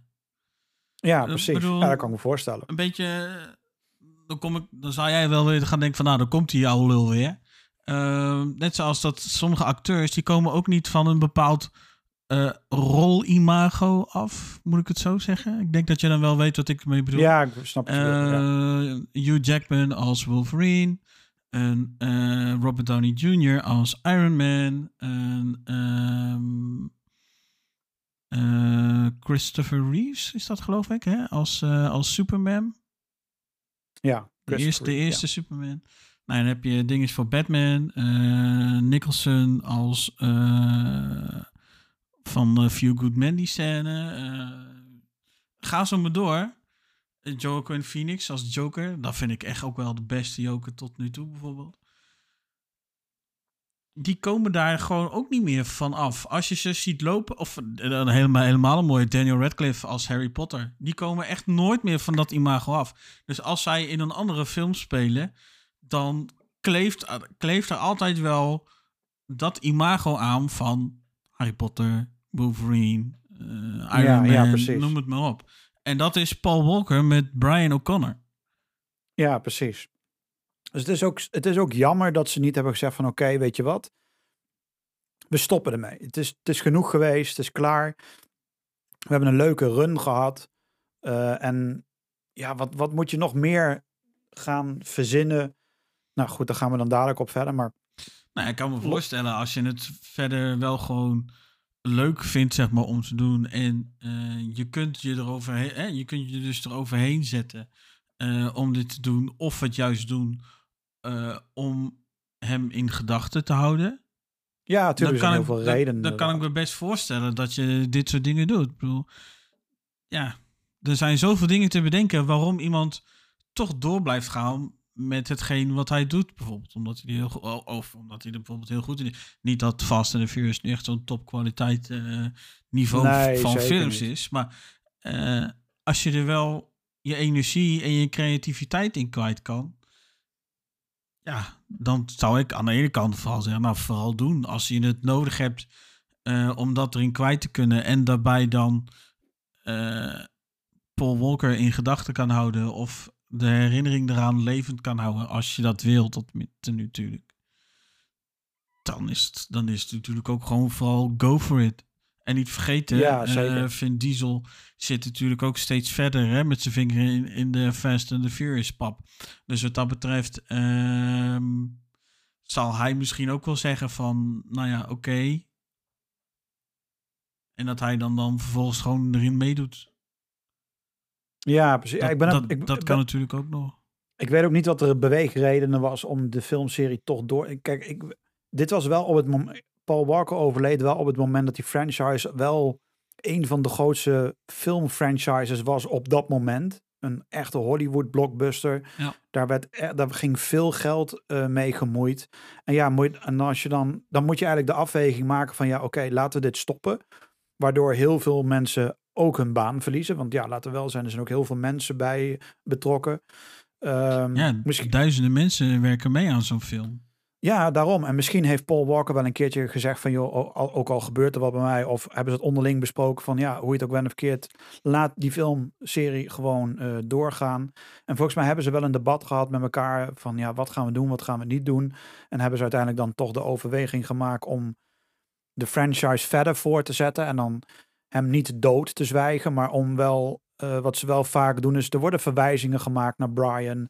Eh, er wordt vaak gezegd van ja, eh, we moeten, moeten we niet Brian erbij roepen? Dat ze dan ook zeggen, nee, we hebben afgesproken, Brian die zorgt voor zijn kinderen en die laten we met rust. Weet je, die heeft, die heeft nu zijn rust wel gekregen eigenlijk. Daar komt het dan op neer en dat verdient hij ook wel. Dus op een of andere manier weten ze toch wel op een goede manier daarmee om te gaan in deze filmserie. Dus wat dat betreft vind ik wel, ze gaan er wel eervol mee om en ze doen niet ze doen niet alsof hij er niet meer is. Hij, het is gewoon, hij is er niet meer. Maar in de filmserie is hij gewoon elders, is hij ergens anders. Dus dat vind ik wel heel netjes en eh, ja, vooral respectvol hoe ze daarmee omgaan. Maar zoals ik al eerder zei, ik miste hem wel. Ik vond het wel heel erg jammer. eh, eh, ik miste hem echt wel oprecht in de latere films. En om weer een beetje naar een ja, wat vrolijkere noot te gaan. In Furious 7 maakte ook Kurt Russell zijn opwachting als Mr. Nobody. En Kurt Russell, ik vind hem sowieso een, een legendarische eh, acteur. Maar in deze film, helemaal strak in het pak, weet je, heel netjes. Echt zo'n government agent eh, wat hij is. Hoe hij daar even de show naar zichzelf toetrekt en hoe hij daar eventjes binnenkomt. eh. ja, ik vond het wel heel erg tof hoe hij dan in één keer, ehm, ja, hoe hij naar voren kwam. Eh, en in deze film kwam dan Jason Statham. Dat is dan, hij speelde dan Ja- Deckard Shaw. En hij was dan de broer van die andere Shaw die in die andere film vermoord werd. Dus deze Shaw die kwam even verhaal halen van joh, ik weet waar je huis woont. En ik ga alles met de grond gelijk maken. En dat gebeurde in deze film, want de, de huis van Dom die werd opgeblazen. En alles ging de lucht in, eh, wat dat betreft. Dus ja, wat dat betreft was het wel een coole, toffe, eh, harde actiefilm. eh, waar echt van alles en nog wat gebeurde. Ik zit heel even te kijken of dit ook... Ja, dit was ook de film dat ze naar Dubai gingen. Ehm, dat was echt super tof. Want ze gingen allemaal naar Dubai. Toen kwamen ze allemaal aan in hele vette, toffe auto's. Echt typisch Dubai. Daar kom je niet met een Fiat Panda aan namelijk. Die heb je daar niet. Eh, dus echt hele vette auto's. En uiteindelijk was het zo van, ja, we moeten die auto hebben. Maar waar staat die dan? Ja, helemaal daarboven. En dan moesten ze naar, gingen ze naar een of andere feest toe. En daar stond dan een auto wat echt miljoenen kostte. En ze gingen in die auto. En Vin Diesel en Paul Walker gingen dan van het ene gebouw naar het andere gebouw in die andere. Dus ze gingen van in totaal naar drie gebouwen. De laatste sprongen ze uit. De vloog die auto helemaal naar beneden. En dat was ook nog een momentje dat je daar dan weer zag dat het niet Paul Walker was, maar zijn broertje. Maar het was echt vet om te zien dat dat gebeurde. Eh, even kijken, was er nog meer in die film? Eh, ja, Natalie Emmanuel, die kwam erin voor. Zij was dan de hacker, eh, die dan uiteindelijk eh, gered werd door het Fast eh, team. Dus zij kwam uiteindelijk ook, want de cast werd wel steeds uitgebreider en groter en noem het dan maar op. Dus het werden wel echt steeds meer vaste gezichten die erin voorkwamen. Dus dat was best wel tof. Om, dus ondanks dat ja, die acteur, dat Paul Walker is overleden, hebben ze er toch wel een coole, toffe film van weten te maken. Met toch een heel mooi, eh, respectvol einde. Ehm, Dan gaan we vliegen we heel snel door de laatste twee filmpjes heen. Want ja, die kun je best wel op één hoop flikkeren. filmpjes. Fast 8, Fast 9.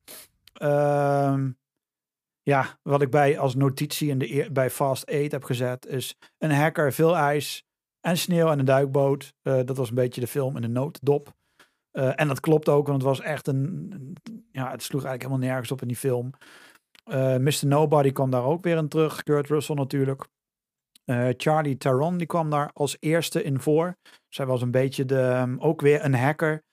En zij was dan de main villain uiteindelijk. En in deze film draaide het erom dat zij iets had waardoor ze Dom in haar macht had. En Dom die ging uiteindelijk over naar haar kant en ging eigenlijk zijn eigen team tegenwerken, noem het maar op. Maar aan het einde van de film, Gert-Jan, aan het einde van de film waren ze toch familie.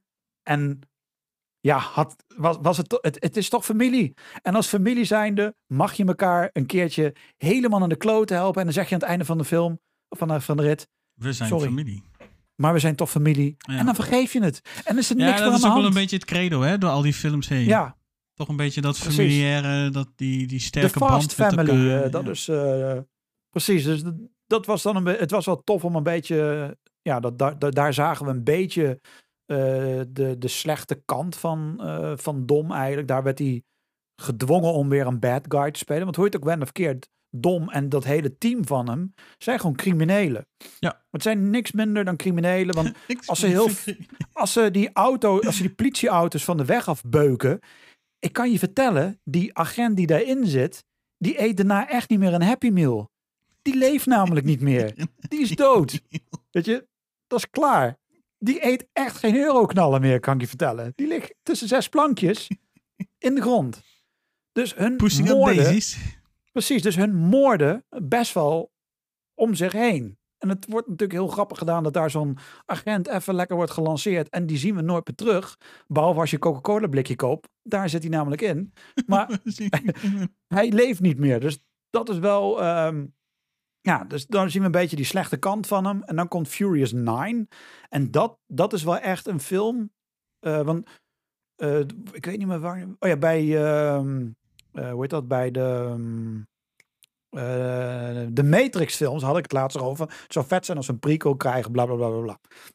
Verwijs ik je voor. Nou, wat ik bij de Fast altijd weer had, van oké, maar wat is er dan gebeurd met die dom? Waarom moest hij de bak in? Ja, hij heeft iemand met een moersleutel bewerkt. Ja, oké, wat is dan de reden daarvoor? En uiteindelijk in Fast 9, dat is wel echt een eh Vin Diesel eh. Daar zien we dan de jonge Vin Diesel. Want de, de, de twist van deze film is dat Vin Diesel natuurlijk een broer heeft. Dat Dominic Toretto een broer heeft. En eh, ik weet nog steeds niet of zijn broer die dan... Even kijken, hoe heet die halve zol? Want dat is ook weer zo'n... Dat is echt ook weer zo'n spierbundel waar je u tegen zegt. Hoe heet die halve zol? Dat is... Ik zou het niet recht in zijn gezicht zeggen, want dan denk ik dat hij me helemaal kapot beukt. Dat is John Cena. Ehm, en dat is dan de, hij is dan de broer van Dominic Toretto. Dus we hebben Dominic en Jacob Toretto, dat zijn broers van elkaar.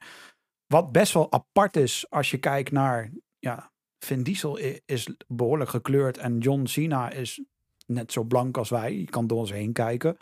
Ehm, in de film wordt niet uitgelegd of ze toevallig een ander, allebei een andere moeder zouden hebben of wat dan ook. Maar in de film is het gewoon zo. John Cena is de broer van Vin Diesel. Eh, en dan gaan ze helemaal terug in de tijd. En dan zie je een kleine Vin Diesel. eh, eh, zien we dan. En we zien een, een jonge John Cena. En dan zie je dan uiteindelijk wat er gebeurt. Waardoor hij die moersleutel pakt. En die gast helemaal de grond in, in roust. En dan later dan komt de jonge Dominic Toretto. En dan zie je daar ook het jonge zusje van hem. Dan zie je eigenlijk de hele cast van de eerste film. Maar dan als tieners. En dat is best wel grappig en best wel tof. Eh, dus we zien daar iets meer backstory. Eh, dus echt bijna twintig jaar later krijgen we een keer een backstory te zien. Bijna Ehm, 20 jaar later. Wat op Sterker zich nog, wel 20 grappig jaar later. Ja. Dus Ja. is begonnen in 2001 en nu 2021 Fast 9. Dus op zich... Ja, Ja. het is misschien geen geheim, maar ik kan niet rekenen. Ehm, dus ik gok vaak 9 van de 10 keer wat. Ja, maar je hoeft het dus, 9 van dat is 10 mijn punt. Je hoeft het dus niet te gokken deze keer. Nee, precies. En het is gegokt. Maar eh, je krijgt dan een beetje die terugblik te zien. En dat vond ik wel tof gedaan. Dat er dan toch een beetje... eh, ja, en dan natuurlijk ook weer... Want ja, die broers zijn eigenlijk elkaars tegenpolen. Maar ze hebben elkaar verkeerd begrepen. En ja, dan kom je toch weer op dat We zijn Ja. familie. mensen, deze, eh, deze aflevering wordt eh, gesponsord door die tissue-fabrikant.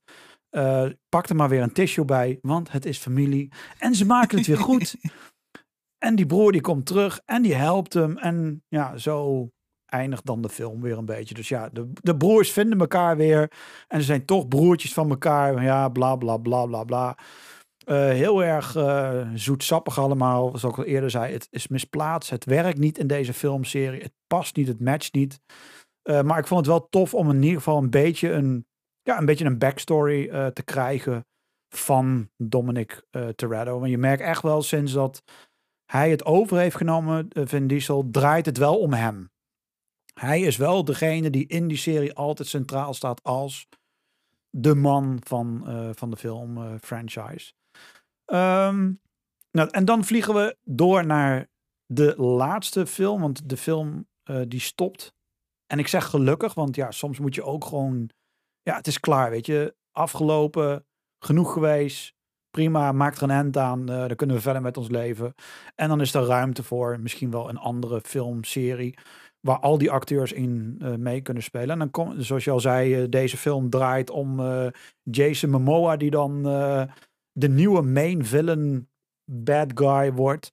Ik zie hem niet echt als een bad guy of zo, maar Nee, maar ik moet wel zeggen, van, eh, vanuit de trailers en dingen die ik dan heb gezien, past het wel. Het past, het, het pas past hem maar wel. hij kan het niet. Maar hij, hij, hij komt dat voor weet mij ik niet. niet Daarvoor zouden we de films moeten zien om dat te kunnen beoordelen, vind ik. Maar Nee, maar als je hem ook in die trailer ziet, en dat is hetzelfde met, Dom, met Vin Diesel. Hij is eigenlijk een bad guy, zoals ik zeg. Maar ze voelen niet aan als een typische bad guy. Dat is wat ik meer bedoel van, ik voel, ik zie hun niet als een bad guy of zo, als een boef. En met Jason Momoa, ja, ik ben benieuwd hoe die dat, eh, Ja, hoe die het gaat doen. Hè? Precies, dus, maar ik zie hem nog niet echt als een bad guy. Ehm, het is ook niet een echte acteur. Acteur, dat zijn ze trouwens allemaal niet echt, want het zijn allemaal gewoon spierbundels eh, die erin voorkomen. Ik pak ook heel even snel een beetje de, de castlijst erbij, wie er dan hier allemaal in voorkomen. Volgens mij best wel veel. Eh, natuurlijk de hele oude vertrouwde cast, die komt natuurlijk eh, erin voor. Ik zie dat Brie Larson, die komt natuurlijk ook in deze film. Eh, echt een hele toffe, leuke actrice. Dus ik ben heel benieuwd naar haar rol. Wat, wie zij gaat spelen. Tess. Wordt, wordt ze een bad guy? Wordt ze geen bad guy? Ehm, noem het allemaal maar op. Ik zie dat er... Oh ja, dat is natuurlijk ook wel tof. Is dat in één... Han is ook weer Van-. Ja, precies. Eh, hoe heet die? Dominic Toretto, die krijgt natuurlijk een... Of die heeft een kind waar die dan later achter komt in de film. Nou, die moeder die sterft in die film. Hij neemt het kind mee en hij noemt dat kind dan Brian. Dat is zijn middelnaam, geloof ik. En in deze film zie ik hier toevallig in de, in de castlijst staan Little Brian. Dus de, het zoontje van Dominic Toretto, die komt hier dan ook in voor. En die wordt gespeeld door Leo Abello Perry. Eh, Helen Mirren, die speelt ook in deze film mee. Eh, die speelde ook al in de vorige twee, want zij is dan de moeder van, eh, hoe heet die, Jason Statham eigenlijk. Nou ja, Jason eh, Momoa, die komt er dan nu in voor. Eh, het zijn best wel namen waarvan je zegt van, nou, het, het is sowieso best wel een behoorlijke lijst aan eh, acteurnamen die, die erin voorkomen. Dus ik ben heel benieuwd. Ik ben echt benieuwd naar, naar Brie Larson. Want die kennen we natuurlijk vooral van haar prachtige rol als Captain Captain, Marvel. Marvel. Eh, wat ze, ze krijgt heel veel haat over haar heen. Ook voor die rol. Ik begrijp niet waarom. Maar ik dat vind is, haar- Dat is meer om hoe zij vervolgens doet. Ja, ik, dat snap zij ik. Maar... is een beetje naast de schoenen gaan lopen, zeg maar. Ja, goed. Los, daar, los daarvan denk ik van ja, als je dan een trailer, dan, want dat is jaren geleden dat ze dat heeft gedaan. En dat dan nu een. Ik vond haar als rol als eh, Captain Marvel vond ik haar echt heel erg tof passen. En die hele attitude die zij had als eh, Captain Marvel richting dat team vond ik heel tof. Eh, dus ik ben heel benieuwd ja, hoe zij dat gaat. Want ik heb volgens mij, moet ik heel even op haar, in haar filmbiografie kijken. Volgens mij heb ik weinig films van haar gezien wat niet Marvel was. Eh, even kijken. Nee, Maar ik heb wat- alleen wat- maar de films gezien met haar van met Marvel. Sorry. Even Wat trouwens ook Oh ja, en natuurlijk Kong heeft ze ook aan meegespeeld. Skull Island. Oh ja, ja. Wat trouwens ook wel tof is, eh, Scott Eastwood, die speelt eh, Little Nobody in eh, de komende Fast film. Dus oh shit, de- ja, die ben ik helemaal vergeten. de zoon, al- de zoon van. Het toffe was, hij, ik ben helemaal vergeten inderdaad om hem te introduceren. Want hij kwam op een gegeven moment, speelde hij ernaast. En hij stond daar. Het grappige is, hij is natuurlijk de zoon van. En ja, dat, het is natuurlijk een legendarische acteur, Clint Eastwood. Ja. En nu komt hij daar. Hij was er, want volgens mij was het een van, dit was zijn grote Hollywood eh, blockbuster film. Zijn eerste dat hij daarin mee mocht doen. Maar in die, in die film wordt hij echt een beetje weggezet als een, als een beginnende droeftoeteracteurtje. Hij wordt echt Nou, maar een beetje... Nee, nee, maar dat is juist tof. Want daar staat wel de zoon van, maar die wordt in die film maar een beetje weggewuifd. En hij zelf gaat daar ook gewoon op een hele grappige, sarcastische manier mee om. Hij wordt maar een beetje weggezet als een dom acteurtje, als een domme character, eh, als een, ja, hij is wel wat gespierd, maar niet zo heel erg. En hij wordt, hij wordt elke keer wordt hij maar in de zijk genomen. En dat, dat moet ik toegeven, dat vond ik juist tof. Dat je gewoon de zoon van, maar een beetje wegzet als een droeftoeter in of in die film. En het werkte perfect. En hij wordt, hij heet niet Little Nobody, maar omdat hij zo wijsneuzerig doet, geeft hij, eh, geeft, ehm, eh, Roman, die geeft hem gewoon op een gegeven moment een nickname. Maar jij bent gewoon Little Nobody. Oh, jij bent het, het kleine versietje van. En die naam blijft Ah, hangen. zo. Vervolgens krijgt hij die nickname toegewezen. Het is eigenlijk gewoon een beetje kleineren van zijn karakter. En dat, was, dat vond ik heel, heel tof gedaan. En ik wist niet eens dat hij ook in die laatste film weer mee... eh, Ja, ik zie, maar- ik zie toevallig staan. Ah, oké. Nou, dat is juist tof dat hij daarin mee eh, komt, of in voorkomt. Want eigenlijk in eh, de Fast eh, X film, dus die wordt gesplitst in tweeën. Dus we krijgen twee part 1 en part 2. Volgens mij is dat tegenwoordig helemaal hipster om dat te doen. Want Mission Impossible krijgt ook part 1, part 2. June is ook part 1, part 2. precies, dus het de is- nieuwe Hunger Games ook part 1 en part 2. Alhoewel, Ja, maar dit is... alhoewel die dan wel een andere subtitel heeft, maar het, het principe is wel hetzelfde. Eh, volgens mij eh, Avatar idem dito.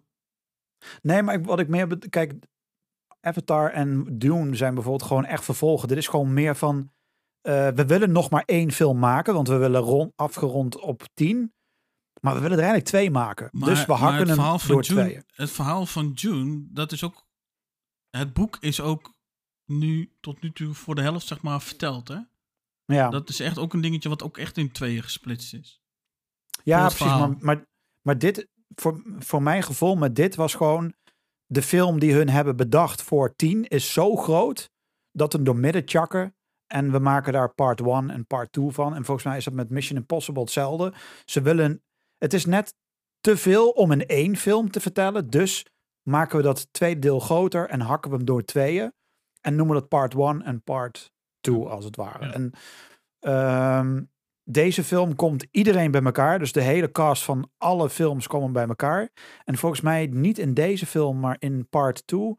Daar zou dan eh, Brian O'Connor, die zou weer terug gaan keren. Dus ze gaan dan... eh, Cody Walker die komt dan terug en die zal dan CGI'd eh gaan worden. Dat dan Paul Walker dan terugkeert. En dat ook Brian O'Connor uiteindelijk dan aan het einde van de rit... eh, ja, naar ons als kijker of als ons als fan dan denk ik op een bepaalde manier afscheid gaat nemen. Ehm, een beetje eh, vooruitlopende op deze twee films. Eh, wat, ver, wat, wat ga je het kijken, deze twee films? Ga, heb je toch zoiets van, ik, wil weten hoe het sluit Ik, op. ik, ik denk dat je het antwoord wel weet. nou, voor de, Ik, de- Ik weet dat jij- Ik, ik denk het, ik, ik denk het niet. Kijk, ik denk voor jou persoonlijk dat je het niet gaat kijken. Maar voor de podcast is het misschien wel cool. Kijk, dit is geen bioscoopfilm. Totaal, voor mij niet, niet meer. Maar het lijkt me wel tof om gewoon wanneer eh, Fast X, dat we hem kunnen zien op de streaming. Dat we gaan kijken beide. En dat het toch, en ik ben toch wel benieuwd naar, kijk hoe je het ook bent verkeerd, Gertjan. Deze film loopt zo lang. En dan ben je dan niet nieuwsgierig naar hoe gaan ze een franchise als deze toch beëindigen. Want hoe, hoe ga je een serie als deze, hoe zou je hem willen, want ik loop een beetje vooruit op de laatste puntjes. Ehm, hoe zou je hem willen beëindigd zien, deze film? Oeh, dan vraag Wat, je me. wat, wat, wat, wat gun je onze verre familie? Wat gun je onze verre familie? Ehm, ik denk dat het dan toch niet zo heel super goed gaat aflopen. Ik denk dat er iemand dan wel in de bak beëindigt en eh, dat er een aantal komen te overlijden. Dat denk ik wel. Ja, zou dat, ja, zou dat denken? Ik denk dat het dan die, eh, die Dante, die, eh, die, Mo- die Momoa dan dus speelt, dat hij dan dus toch eh, gedeeltelijk zeg maar erin slaagt wat hij dan wil doen. En dat in het proces er een aantal virtueel gesproken koppen gaan rollen. Ja, dat denk ik zeker. Ja, ik ben dan. Kijk, ik weet zeker, Dominic Toretto, die gaat het einde zeker wel halen. Want ja, Vin Diesel is de. Ik denk, De dat, guy van de ik denk film. dat hij op het einde dan wel neervalt. Ja, zou je denken dat hij. Dat, eh, denk, ik, dat denk ik wel, ja. Ik denk heel eerlijk gezegd dat de filmserie gaat eindigen zoals dat de eerste film eindigde. Dat dan de hele familie, familie lekker aan het barbecuen is. Eh, en dat ze dan uiteindelijk gewoon ja, afscheid nemen van elkaar of zo. En dat dan de film gewoon beëindigen. Want in een van de, volgens mij was het Fast 8, dacht ik. Dat hadden ze wel heel tof gedaan. Dan eh, kwamen ze ook allemaal aan het einde bij elkaar. En toen wilden ze gaan eten. Zeiden ze van, we moeten nog heel even wachten. En toen zoomde de camera uit en toen kwam er een hele snelle auto aangesjeest. Echt bloedsnel. En toen wist je, dat is Brian. En toen stopte die, ging die auto, die parkeerde daar. En toen hoorde iemand uitstappen. Toen hoorde je zeggen, oké, nu gaan we eten. En toen wist je, Brian O'Connor die is er. Dus en, want ze konden nog niet gaan. Ik heb het idee dat aan het einde van de rit, dat ze dat ook gaan doen. Maar dat dan zijn broertje, eh, Cody, dat hij dan komt. En dat hij misschien wel met zijn kinderen komt. En dat ze dan uiteindelijk eh, afscheid gaan nemen. Ik denk niet dat er iemand doodgaat in de film. Ik denk echt dat deze hele club bij elkaar komt. Dat ze dan weer ouderwets die barbecue eh, aan eh, doen. En dat ze dan ja, gaan, gaan eten. En dat dan de filmserie gaat. Ik zou ook willen dat die film gewoon zo zou eindigen. Dat zou mooi zijn. Gewoon een mooi gesloten. Ik hoop alleen niet dat Vin Diesel het eens een botte harses haalt. Om dan te denken.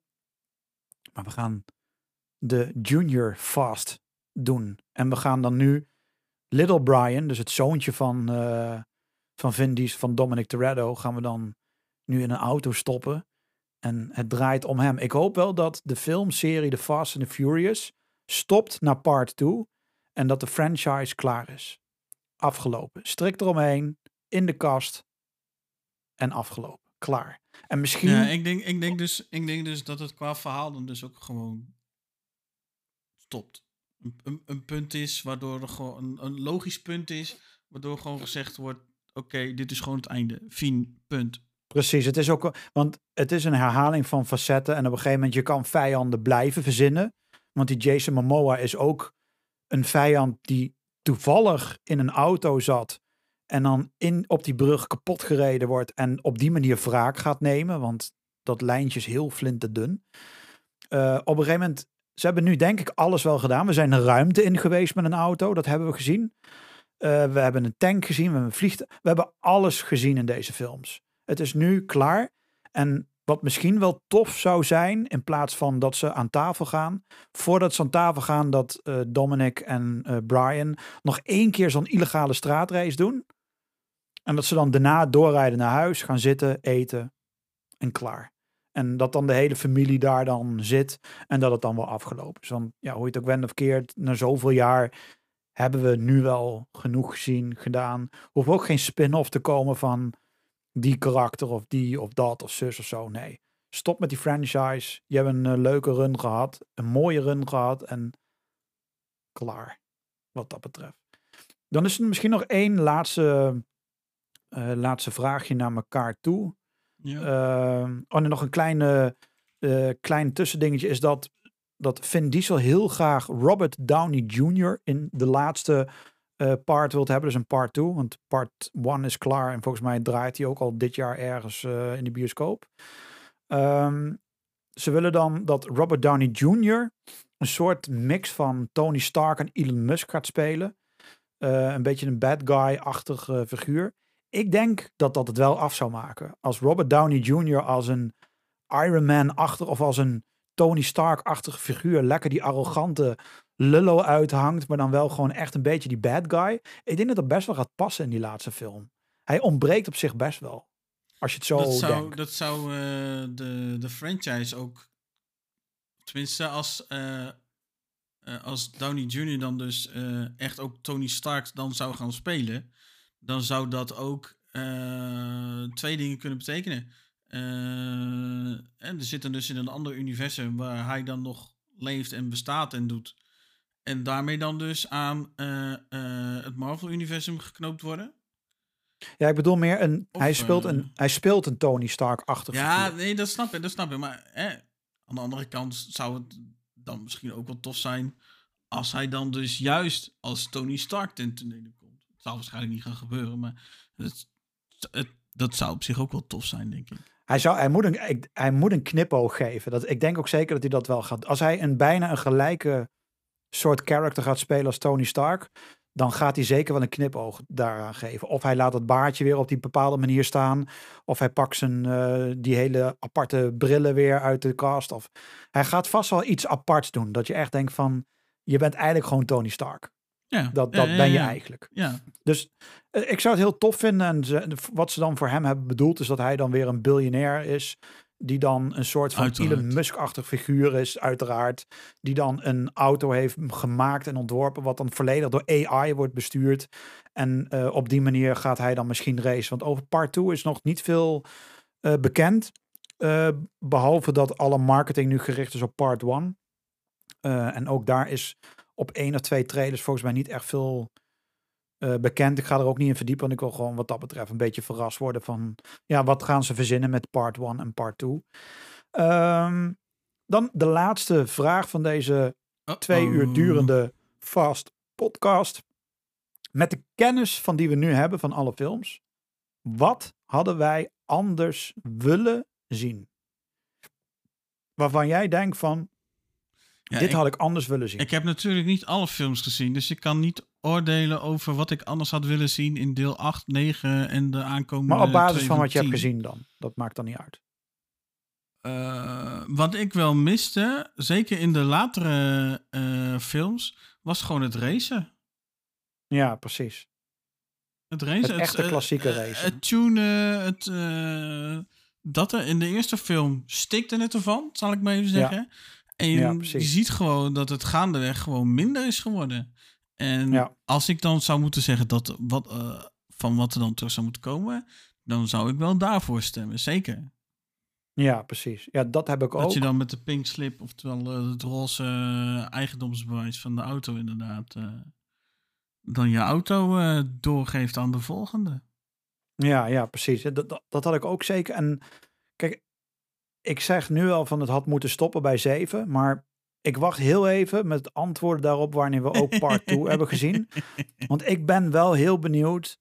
Eh, kijk, wij hebben als kijker niet afscheid genomen van Brian O'Connor als karakter in de film. Ja, hij is natuurlijk wel weggereden, maar ze hebben het over hem. En hij is nu een paar films absent. Want in de film leeft hij nog, leeft zijn personage nog.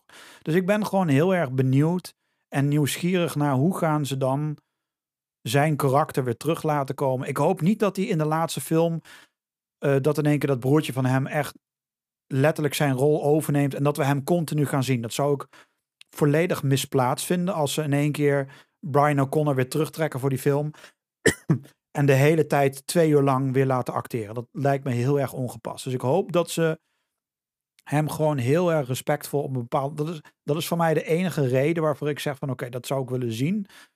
Eh, om die reden. Eh, maar ik hoop, nu, nu ik weet dat de filmserie stopt bij part 2, heb ik ook zoiets van oké, prima. Dan wil ik de hele serie gezien hebben. En dan ben ik benieuwd naar hoe ze dat gaan beëindigen. Was part 2 niet het einde? Dan had ik gezegd, jullie hadden moeten stoppen bij 7. Dat was een mooi einde geweest. Stel, ze hadden nog twintig films aangekondigd. Had gezegd van joh, bij deel 7 had je moeten stoppen. Maar nu zijn we hier. Stop je daar. En ben ik ook eh, heel erg benieuwd naar wat ze dan eh, gaan doen. Als ik kijk naar de cast, wie er allemaal bij komen. En ik van ja, ook best wel een toffe cast. En ik ben best wel benieuwd hoe bepaalde acteurs in deze rollen ja, het, eh, het gaan doen. Dus ik ben wat dat betreft benieuwd of die Jason Momoa wel een echte boef een echte bad guy kan zijn. Want hij blaast gewoon het Vaticaan op alsof het niks is. Dus daar ben ik wel heel erg benieuwd naar hoe hij dat, hoe die dat gaat doen. Dus eh, ja, wat ja, dat kom je betreft. maar op achter. joh. Hoe je het gaat zien. Ja, we gaan hem kijken wat dat betreft. En dan eh, gaan we het ongetwijfeld eh, over hebben. Nou, ik denk dat we nu... En ik heb eh, geen spijt van dat ik alle films elke avond achter elkaar heb gekeken. Want het was super tof. om die films toch weer even een keertje te, kijken. En het was vooral een beetje een, een nostalgie-trip. Want die films zijn fucking oud. Dus ja, dat, dat- was wel gewoon tof om weer even, even allemaal te zien. En ik blijf het herhalen toen, toen we John Wick gingen doen toen miste ik een beetje die achtergrondkennis van die films. Want dat is- sommige had ik eh, veel te lang geleden gezien. En nu heb ik de films nog een keer gekeken, vooral achter elkaar. En dan ja, zie je toch wel een beetje het verhaallijntje die er is. Het hele, hele dunne familielijntje wat je dan ziet. Ja, dat, dat, dat komt dan meer uit, eh, uit de verf. En dat vond ik ook cool. Dus eh, we hebben het eindelijk een keertje gehad over The Fast en The Furious. Of in dit geval de Fast Saga. Of zoals Vin Diesel zegt, de, Fast Family. Dat is eh, dan nu eh, de Fast Family. eh. Maar ja, ik kan me voorstellen, voor hun voelt het natuurlijk aan als familie. Als je zo lang als acteurs met elkaar werkt. En die hele crew eromheen. Want wat je al zei, die, dit bestaat uit duizenden mensen. Eh hun zullen ongetwijfeld met heel veel mensen werken, dag en nacht. Dus voor hun snap ik wel dat dit een familie is.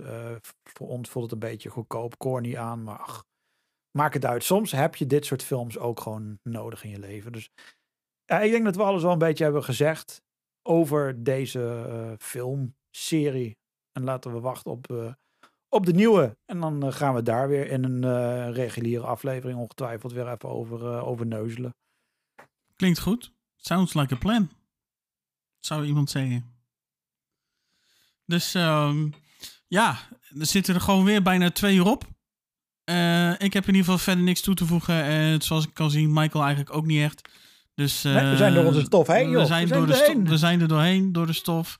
Dus eh, dan gaan we, of ga ik in ieder geval eh, de podcast maar weer eh, afsluiten, zoals altijd. Dus eh, bedankt in ieder geval voor je tijd, voor je geduld ook. eh, dat je wederom zo lang eh, hebt kunnen luisteren eh, naar ons. En eh, ja, eh, we blij- ik blijf het zeggen. Je kunt ons overal en nergens eigenlijk eh, horen.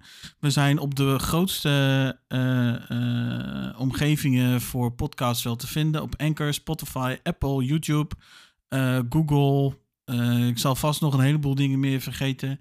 Eh, daar zijn we allemaal op te vinden. De afleveringen zijn ook allemaal terug te luisteren eh, op onze website www.screentalkpodcast.nl en eh, naar mijn idee toch altijd wel een mooiere domeinnaam www.screentalkdepodcast.nl Die Oh. blijven we erin houden. En eh, daar kun je ook per aflevering je, je reactie geven. Je kan uiteraard ook feedback geven, vragen stellen.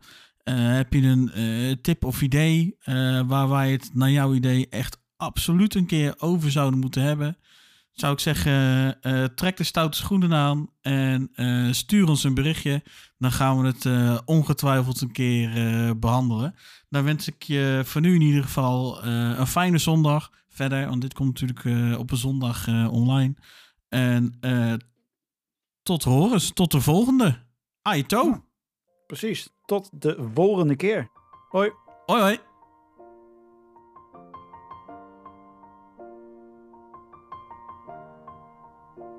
It's been a long day without you, my friend. And I'll tell you all about it when I see you again. We've come a long way from where we began. Oh, I'll tell you all about it when I see you again. When I see you Damn, who knew? All the planes we flew, good things we've been through. That I'll be standing right here talking to you about another path. I know we love to hit the road and laugh, but something told me that it wouldn't last. Had to switch up, look at things different, see the bigger picture. Those were the days, hard work forever pays. Now I see you in a better place. Can we not talk about family when family's all that we got? Everything I would do, you were standing there by my side. And now you gon' be with me for the last ride. It's been a long day without you, my friend. And I'll tell you all about it when I see you again. See you again. We've come a long way long way. from where we began. You know, we started. Oh, I'll tell you all about it when I see you again. Let me tell you. When I see you again.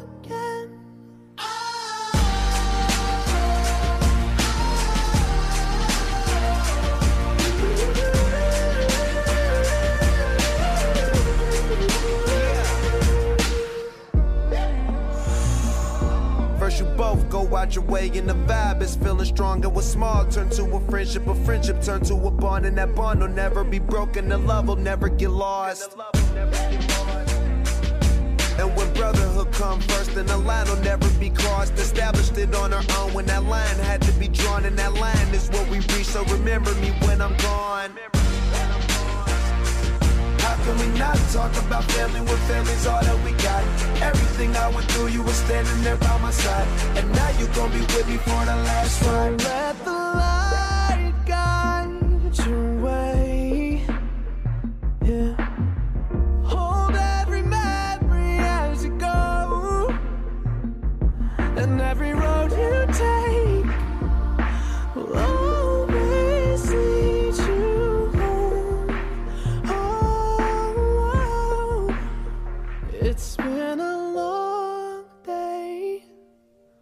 about you, my friend.